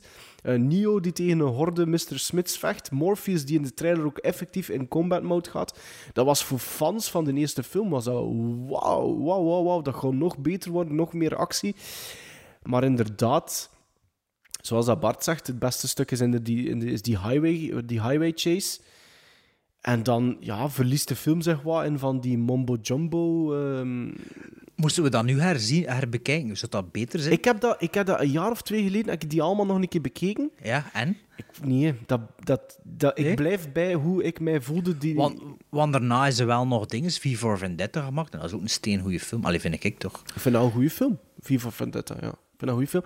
Maar ja, de, de, de Matrix vond in 2 en 3, vond, voor mij persoonlijk, raakte die, vond die de juiste toon en de balans niet meer tussen, tussen het narratief, of, of ging het narratief gewoon, swingde de pan uit, dat je er geen steek meer van verstond. Ehm, dus ja, ik vond dat een- echt een fantastische trailer zelfs. Maar ja, de film vond ik ja, een pak pak minder. Mijn eh, nummer vier is een eh, soort sprookje. Is een, sprookje, maar het is eh, verteld in Rash- Rashomon-stijl. Dus de film van Kurosawa. waarbij dan de verschillende personages hetzelfde verhaal vertellen, maar elk een eigen versie ervan. Ehm dat was eigenlijk een, een supercoole trailer. En het is een, een film met de eigenlijk dat zowel Roodkapje, de boze wolf, als de oma eh, elk een versie van de feiten vertellen aan de politie. En dan heb ik het over Hoodwinked uit eh, 2005. In 2006 uitgekomen in België. Waarom weet ik dat? Omdat ik met mijn vriendin haar verjaardag als date zijn we naar die film gaan kijken. Omdat ik we de twee die, gezien. omdat we die trailer alle twee echt super grappig vonden. En ja, in die film schiet er, er niets meer van over, behalve die paar grappen die dan eigenlijk niet in de trailer-context zelfs ook niet echt grappig waren. En we hadden al twee zoiets van, ja, man, beter iets anders gedaan vanavond. Ik vind dat wel dan- ik vind dat wel een iets Hoodwinked film. geweest. Ik vind dat een iets betere film Ja, dan dat jij dat ik ken hem ja. op DVD. Mijn Ik kinderen zijn hem vorige Ja. zomer nog een paar keer bekeken, maar ik vind dat nog altijd niet echt goed. Maar eh, die trailer was zoveel, zoveel, waar. ehm, zo vol, veelbelovend. Dat was ook in de hoogdagen van Shrek, volgens mij. Shrek En 2, een, en een, en een 2 andere 3. animatiestijl ook. En een beetje een andere animatiestijl. En ook een interessant gegeven op zich. Zo de, de politie die de heks, de, eh, de, de oma, de boze wolf en de roodkapje ondervraagt. Maar Toen, je, toen je nog trailers zag, Bart. ja, wel, ik ging dat nog zeggen. Dat was, in, maar dat was ook in de periode dat de Dat was trailers de nog niet alles verklapte. Ja, ja. Ja. Mijn nummer vier is een film waar ik het eh, enkele afleveringen geleden al eens over gehad heb. Ik denk zelfs de vorige aflevering. Was de vorige aflevering de Halloween-aflevering? Ja. Ja. Daar heb ik het erover gehad. Een film uit 2006. Ah ja, een, horror, een horrorfilm. ehm, waar dat de trailer echt weet, wauw. Wauw, want alle ghouls en ghosts die in een trailer komen, ik zoiets van, die film wil ik zien. En dan heb ik het over Grave Dancers. En dan heb ik die film op DVD gekocht. En dan Eight Movies to Die For, was dat ja, dat? ja, Dat was een honorable mention. eh. ja. En dan heb ik die film gezien. En die film is eigenlijk niet zo goed. Zeg trouwens, Behalve- Claudie, je hebt wel een kleine rechtzetting. Die, die eh, Eight Films to Die For, Ja. dat was geen festival. hè. Het festival in kwestie is het After Dark Festival, denk Ah, ik. oké. En die Die zijn daar... ja, whatever. Maar ja, gewoon een beetje opgezocht? aanvulling. Nee, ik wist, ik wist het eigenlijk. Ik wist het Ah, eigenlijk, maar ik was, want ik heb daar zo van die serie heb ik een paar films liggen. Oké. Eh, Nou ja. Maar niet Grave Dancers. Nee, en wel, en dit is enkel voor die ghosts en voor die creatures is dat een, de moeite. Maar als je dus een trailer ziet, hebben ze ook gezien. Ah ja, Ja. oké. Dus eigenlijk Ja. moet je alleen de trailer Voilà. voor de... Ah ja, oké. Eh, het komt nog maar eens eh, naar boven dat Bart eh, fantastisch goed met taal bezig is, want hij legt hier bruggetjes voor mijn vijf, top vijf dan eigenlijk, waarvan dat hij geen... taalvirtuoos. Ja, hij heeft er geen weet van, want daar juist liet hij de Matrix van en nu zegt hij ja, toen, toen vertelden film, eh, trailers nog niet alles. En op mijn nummer drie staat een trailer van een film uit 2000 met Tom Hanks, eh, die ik eigenlijk wel een hele goede film vind. Eh, het gaat over Castaway. Ehm, Tom Hanks die een hoge pief is bij FedEx. Heel kort, hè, die vraagt zijn Ik heb vriendin... dat volgens mij nooit van begin tot einde Nee? gezien, die film. Topfilm. Nee, denk het niet. Denk niet. Ah, wel, dus die Tom Hanks, een hoge pief bij FedEx, vraagt zijn vriendin met hem te trouwen en stapt dan op een vliegtuig dat crasht, waardoor hij alleen op een onbewoond eiland terechtkomt. En gans die film heeft natuurlijk als opzet, geraakt hij eraf. Dat, daarover gaat Castaway. Of, of, of ja, berust hij in zijn lot en, en ja, vindt hij daar het geluk op zijn eentje, is misschien zo stom te zeggen, maar ja, ehm, ja leidt hij daar nog een voor een gelukkig leven. Maar Bart... En als je het niet wilt weten, moet je even niet Ja, luisteren. ik weet nu wel wat dat gaat zeggen, hè, want in De- de trailer zie je dat de- van dat eiland de zitten. trailer toont zeggen, als in de effectief- trailer in- op het eiland blijft zitten, weet het nog De altijd niet. Dus trailer, is de trailer toont effectief alles van die Meerdere? film. Serieus? Echt. En Zemeckis heeft in interviews gezegd dat hij dat, ehm, ehm, dat hij dat weet en dat hij dat eigenlijk doelbewust gedaan heeft. En ik heb er de quote bij genomen. Hij zei: We know from studying the marketing of movies that people really want to know exactly everything that they are going to see before they go see the movie. Ja, ja. En er zit. Pipo. Er zit je ziet gewoon, die, in die trailer zie je gewoon dat die van dat eiland afgeraakt. Er is ook zoiets als de Zemeckis Cube in Ready Player One.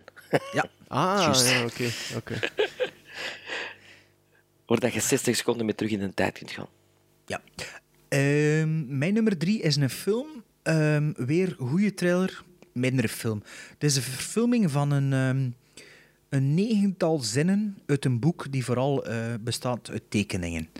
Eh, het is een film van 2009, geregisseerd door Spike Jones, eh, de regisseur van onder andere Adaptation en Being John Malkovich. En dan heb ik het over Where the, Wild, Things, Are. ja. Eh, met de, niet de Gruffalo, hè. maar wel met Mark Ruffalo. Ehm, nee, maar het is zo'n personage in Where the Wild Things Are die vrij op de, de Gruffalo trekt. Hè, of de, op de, allee, op dat monster zo. Ehm, de, de trailer ervan was echt betoverend. En ja, ik kende Where the Wild Things Are wel. Of, een, of ik weet niet meer wat de naam van het boek is. Maar die figuren kende ik wel. Ik vond dat er echt fantastisch uitzag. En veel, veelbelovend.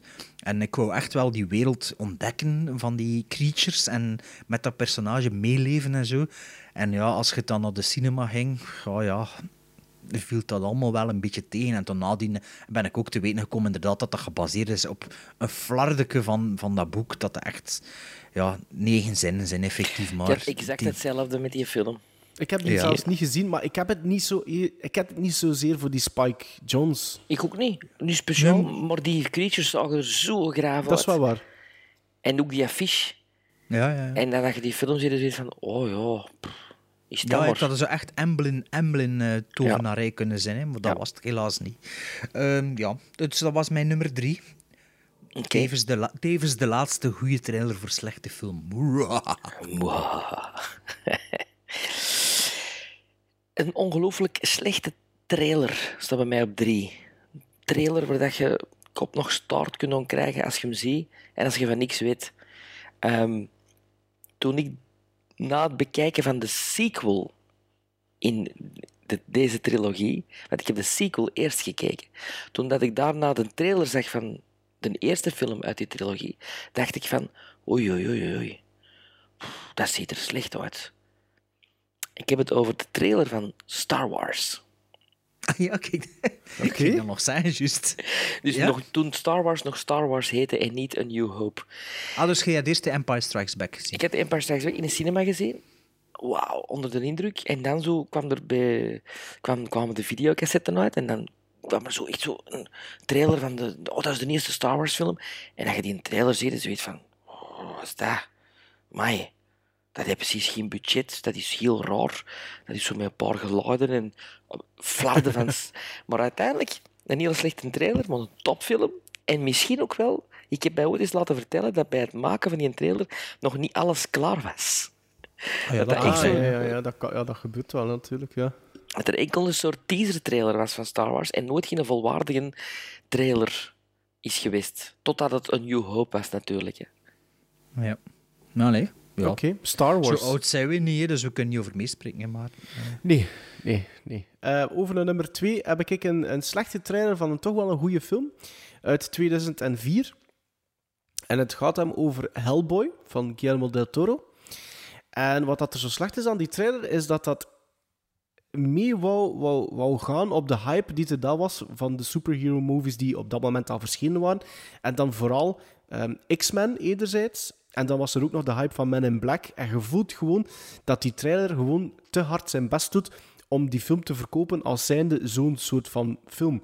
Ehm, het, het, het voelt als, als een soort van rip-off van die films. En, en die trailer centreert zich rond het personage van die Rupert Evans, oftewel John Myers in de film, die eigenlijk ontegensprekelijk het saaiste personage is van Hans die film. is dat die professor of wat? Nee, die, die, die een gast, die een jonge gast, die in die agency terechtkomt als nieuwe, nieuw young blood, you know. Zit over Hellboy bezig, Ja, of niet? ja. Oh, dat weet ik niet zelfs niet meer.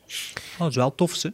Ja, toffe het is films, een, goede film. En zowel, maar vooral, de, de, die trailer is super saai opgebouwd. En had er ook die tekststatements, wat dat heel in was toen, die, die gewoon Men in Black schreeuwen. Want er komt in, there is a secret agency dedicated to protect humanity. En dan had ik zoiets van, ja, oké, dat is Men in Black gewoon. Nochtans, Hellboy kent een fantastische proloog, waar dan niks mee gedaan wordt in die trailer. Heel dat nazi-gedoe, ja, dat zit Ja, er ja, dat allemaal niet cool, in. Er is veel meer natuurlijk dan enkel John Myers in Hellboy.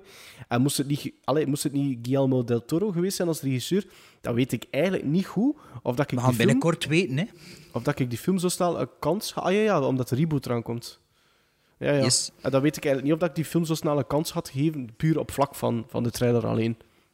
Ja. Eh, mijn nummer twee ehm, was eigenlijk, speelde zich af een paar jaar geleden. Ehm, zoals dat u weet ondertussen, ik kijk geen trailers, maar films die me eigenlijk geen kloten interesseren, dan kan me ook niet schelen of dat ik de trailer zie. En ehm, dus zo'n jaar of vier geleden zat ik in de cinema. En eh, pff, ja, met een maat en zit me zo wat te babbelen. De trailers pff, niet echt aandacht aan besteden. Ik zie er een, kleurrijk, een kleurrijke trailer met zo allemaal onzin. Met een babbelende boom en met een babbelende wasbeer. En dat zag er zo debiel uit. En dan zo de gast van Parks and Recreation, genaamd Chris Pratt. En eh, het was een Marvel-film. En weer zo, wat, wat is dat hier? En Zo, en zo, Guardians of the Galaxy. En ik weet nog dat we tegen elkaar zijn. Jongen, dat interesseert me nu echt niks. Dat ziet er echt zo debiel uit. En toen, eh, ja, een paar maanden later komt die film in de cinema en krijgt echt raving reviews. Dat ik dacht van, ja, misschien moet ik dat toch wel een keer gaan zien. En eh, ik ben die gaan zien en ik denk dat ik die vier dagen later nog een keer opnieuw gaan zien worden. En dat was eh, ineens ook mijn favoriete film van dat jaar. En die trailer, ja, dat, lag dat aan mij, lag dat aan het moment? Of was dat gewoon omdat ik de achtergrond niet kende? Maar ik vond dat er echt een debiele, een debiele Marvel-film uitzag op dat moment. Dus Guardians of the Galaxy, volume 1. Oké. Mijn nummer twee is een trailer die begint zoals honderd trailers beginnen. In a world. Nee, zo van eh, een hoop jonge gasten stappen in een camper, ah, gaan onderweg. En de trailer zegt ook van You think you know the story. Ah ja, ik weet wat Eh, voor you is, think ja. you know the place. Eh, think again. En je ziet ze zwemmen in een lake zoals in Friday the 13th. En je ziet ze kamperen gelijk als al onder de horrorfilms. Evil Dead. Evil Dead. En, en je zoiets van, ja, ja, oké, goed. Dat wil ik echt niet zien, want dat is 13 in een dozijn. En je Cabin ziet in the Woods. Ja, Cabin in the Woods. Ja. En dan zie je die film en dan denk je van, geniaal een trailer. Geniaal een trailer. Want de trailer is zo echt clichématig en de film is alles behalve dat. Ja. Maar het is Dat is alles behalve dat, ja. ja, ja, ja. Tot op een bepaald moment. Maar het, is, het wordt zo uitgespeeld eigenlijk. Hè, net, Ah, wel, maar ja. dat vind ik... Ja, ik heb altijd gedacht, totdat ik die film zag, van... Oh, ja... Ja, en de ik naam wist alleen het- al. En ik wist dat ook niet. En dat vind ik zo, ben ik zo blij voor, dat je dat niet weet. Ja, ja, dat was de starten van de film natuurlijk. hè. Ja, ja, ja. En dat ziet ook... Ja, dat is echt zo plots zo. Wat? Huh? Ja, what the fuck? Eh, eh, eh, wat? Wat? Wacht, even terugspoelen. Zo. Ah, ah oké. Ja, ja, ja. Ja, ik vond dat ook wel een goede film. Mm. En zijn nieuwe film is blijkbaar ook goed, Sven. De nieuwe film is eh, tot nader order voor mij de beste film van het jaar. Oké, binnenkort gaan zien. Hè. En onze Bad Times at. El Royale, hè? ja, Bad, Ro- Times. Time- Ja, but At it's, the it's El Royale of at Bad El Royale? Times at the El Royale. Ah, oké. But you're gonna El have a good with time. cheese. But you're gonna have a good time. Oké, ja, cool. Mijn nummer 1 is een, weer een voorbeeld van een slechte trailer, maar een verschrikkelijk goede film. Eh, het is een eh, trailer in de categorie eh, Says It All, of Tells It All eigenlijk. Ik ga er niet te veel eh, over zeggen over de film, maar ik heb het al een paar keer in de podcast over die film gehad. Het gaat hem over Carrie uit 1976. Ehm, en ik zou je echt een keer aanraden voor een keer die trailer te bekijken. Want daardoor, de, in, de, de volledige film wordt er gewoon ook uit de doeken gedaan. Van altijd en heb je die trailer gezien voordat je de film gezien Nee, had? nee, nee, dat niet. Dat niet. Ah, oké, oké. Maar ik heb ook wel Dat is natuurlijk niet wel het concept, hè? opzoekingswerk gedaan, hè Bart? Maar ja, dat is het concept toch niet? Ja. Ik vind Dat dat, concept niet. Sorry, terug opnieuw beginnen. Nee? Nee, maar serieus, je moet echt een keer die trailer bekijken. Alles Ah, zit er erin. Alles zit erin. Maar ja, is het een trailer van destijds of is het Nee, zo... destijds, de, de originele theatrical trailer. Maar uiteindelijk, ik ken Carrie gezien en ik wist daar ook bijna alles al van, door popculture. Dus Ja. Ja, maar dat is natuurlijk iets anders. dat is iets anders, Maar blijft ja, daardoor wel een slechte trailer. Mag niet... dat, allee. is, dat is waar. Maar ja, het is wel uit uw levenwereld, hè, niet van op het internet gevonden. Hè. Ja, Bart. Excuseer. Ja. Excuseer. Ja. Mijn nummer 1 is eh, een film... Dat is een, trailer, een slechte trailer voor een goede film. Nee, ik weet niet of dat een slechte trailer is. Ik ervaarde het als een slechte trailer, ik zal het zo zeggen. Dus net zoals in 2014 dat ik zo'n trailer had van... Jongen, dat interesseert me nu echt niets. Was dit iets... Ik zag de trailer en ik zei van... Jongen, dat moet ik echt niet zien. Een reboot en allemaal CGI. En toen komt die film uit in 2015. En hoorde dat allemaal echt gedraaid is. En quasi niet CGI. En toen dacht ik van, ja, misschien is dat wel nog zo interessant, eh, nog niet zo slecht. En toen komt de film in de zaal en eh, hoor ik alleen maar van mensen die het gezien hebben dat het echt ongelooflijk is. En het is een film dat ik ga zien zijn en zondags nog een keer opnieuw gaan zien. En dan op de tweede rij, om echt het zand te voelen langs mijn oren te suisen. En het is een film met uh, Charlize Theron in de hoofdrol, maar eigenlijk zou je denken dat Tom Hardy is. Maar het gaat over Charlize Theron. En Sven weet dat niet, omdat hij de film afgezet had na 20 minuten, omdat hij het zo slecht vond. Maar voor Oh ja, mij was het in want Mel Gibson doet er 2015 niet wel mee. de film van het jaar. En dan heb ik over Mad Max Fury Road, dat ik ondertussen al vijf keer gezien heb, pijs ik. Een ongelooflijke film. Dat, dat, ja, dat was misschien, ja, ik kan niet zeggen de beste ervaring van de laatste paar jaar in de cinema, maar toch wel voor een nieuwe film. Dat niet The Force Awakens is, toch wel de strafste cinema-ervaring dat ik eh, in lange tijd had. En Heb ik vond jij het echt die, een ongelooflijke die, film. die Chrome-versie al gezien, Bart? Nee, want in mijn, mijn Blu-ray heeft die een versie Ja, er oké. niet op staan. Ja, ik ook nog dus niet, ja, maar- ik ja. kon dan ook niet kopen speciaal daarvoor. Dat vind ik ook niet de moeite. Zoals de Ehm, zwart-wit versie van Logan. ja, en de Ja. zwart-wit versie van de Mist. Hè. Maar die stond Ehm, allemaal op een DVD. Ah, maar dan moet ik kun je- keer checken. kun je kiezen. Ja, dat, Ja. Dat, weet ik, dat weet ik niet meer. Maar dus, ja, ik, ik dacht echt met die trailer, pff, draaide met mijn ogen toen ik dat online zag. En, ja, ik dacht ook wel, moet ik nu een, een remake van Mad Max gaan zien? Boy, was I wrong, zou ik zo zeggen. Ik wil niet eindigen met een goede trailer voor een slechte film. Voilà. Eh. Hij snapt ons concept, hè. hij snapt het. Maar ik kan het toch doen. maar ik, ja, ik kan, ik kan Maar het is misschien een film die iedereen wel goed vindt. Hè. Hij- waarschijnlijk wel. Ja. het is eh, de trailer van, ik kon het niet eens zeggen, Only God Forgives. van Nicholas Refn-Wingding. Maar je vond Drive al slecht, dus waarom heb je het dan weer laten vangen? Omdat Drive hetzelfde is. Drive heeft een keigoeie trailer. En Only God Forgives heeft ook een keigoeie trailer. En die gasten, die kan heel goede trailers maken, volgens mij. die heeft maar twee keer met mijn pitje gehad. Ja, de trailer van Only God Forgives is echt, echt heel goed. Heel goed. Maar ik de film zag, dan wou ik echt uit de zaal eh, lopen. Maar je hebt het niet gedaan. Heb je het, heb je het niet gedaan, of wat? Ik heb het niet gedaan. Ah, Oh, dus, ja, dus het moet toch iets van redeeming quality hebben, toch? Nee, nee, nee, ik was maar gewoon druk aan het maken. maar die trailer is echt keigoed. Maar het is door de trailer dat ik zei van, dat, dat wil ik zien. En vond de Only God Forgives slechter dan Drive? Ja, zeker. Dus het is eh, zweveriger, hè? Allee, het is zo... Het is, eh, het Min- is een, voorbode klassiek. voor de film van Ryan Gosling. The Lost River. Heb je dat ook gezien? Dat is, ja.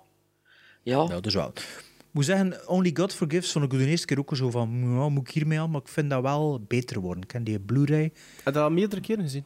Ja, bijzien zelfs, Ik heb die, ik heb die zelfs liggen, drie maar keer ik heb dat nog niet, niet bekeken. Dus interessant, hè, maar dat is een beetje ja, Mandy-probleem. Hè, of... Beetje, ja. Style over substance. Ja. Eh, ja, maar ja, het ding is, is Nicolas, ja, dat is, dat is iets voor een andere aflevering. Maar eh, ja, Sven, ja. Maar ik vind dat niet zo slecht eigenlijk. Maar ik vind Drive wel beter.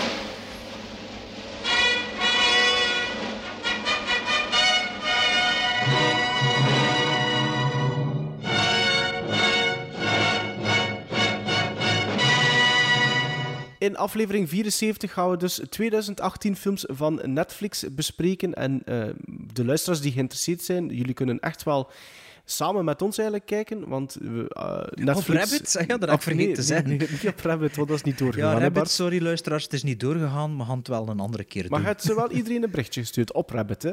Ja, ik weet niet ze te lezen. Ja. Maar ja. Ja, sorry, Wacht, doe maar verder. Het is al gedaan, hè. Dus ehm, die Old... Nee, ik ben het weer vergeten. Hold the Dark en Apostle, die gaan we met ons drie sowieso bespreken en bekijken, alle drie. En dan mogen we nog elk een film kiezen, ook uit 2018, waar dat er op de poster een Netflix-icoontje staat. En verder gaat Bart wel nog iets uit zijn mouw schudden. Wel, 1974 is ook van 1974. En Ah, kijk de eens aan. van, van een van de eerste tien afleveringen weet dat dat het geboortejaar is van... Nee. Bart, ah nee, Sven de Ridder. Ja, Sven de Ridder. dus misschien dat we wel nog iets doen met dat geboortejaar. Now, was that civilized? No, clearly not. Fun, but in no sense civilized.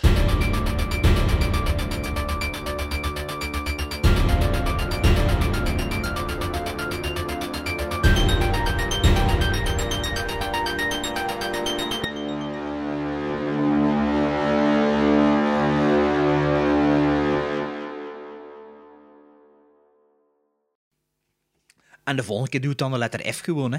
Ja. Hopelijk heb ik er daar meer van in mijn collectie. Zoals Falling Down. Of Firefox. Zoals... Nee, dat heb ik niet. Zoals wat heb ik nog met de F. Hoe normaal weet ik het goed. Fren- Frenemy of the States. Foxcatcher. Fi- Fire in the Sky. Fifth Element. Maarten, nog eentje met een F, kom aan. Ah, ik moet... Oei, oei, oei. Ah ja, hoe films met een F noemen totdat we niet meer kunnen? Ga wat doen? Films met een F noemen totdat we uitgeput zijn. Oei, oei. Fright Night. Sven? Footloose. Frankenstein. Ehm, Fear. Fear. Fear and Loathing in Las Vegas. Fear City. Flash Eater. Flashdance. Oeh. Ah, Fearless Vampire Killers. Face Off. Fame. Fatal Attraction. The Fountain. Ja, oké. Wat? hè? The Fountain. Ja. Ja. Sven weet geen meer met chance. Ja, Fox nee. and the Hound, bijvoorbeeld. Fox en Firefox had ik al gezegd. Maar ja. Ja, ja allez, kom. Dat was een leuk intermezzo.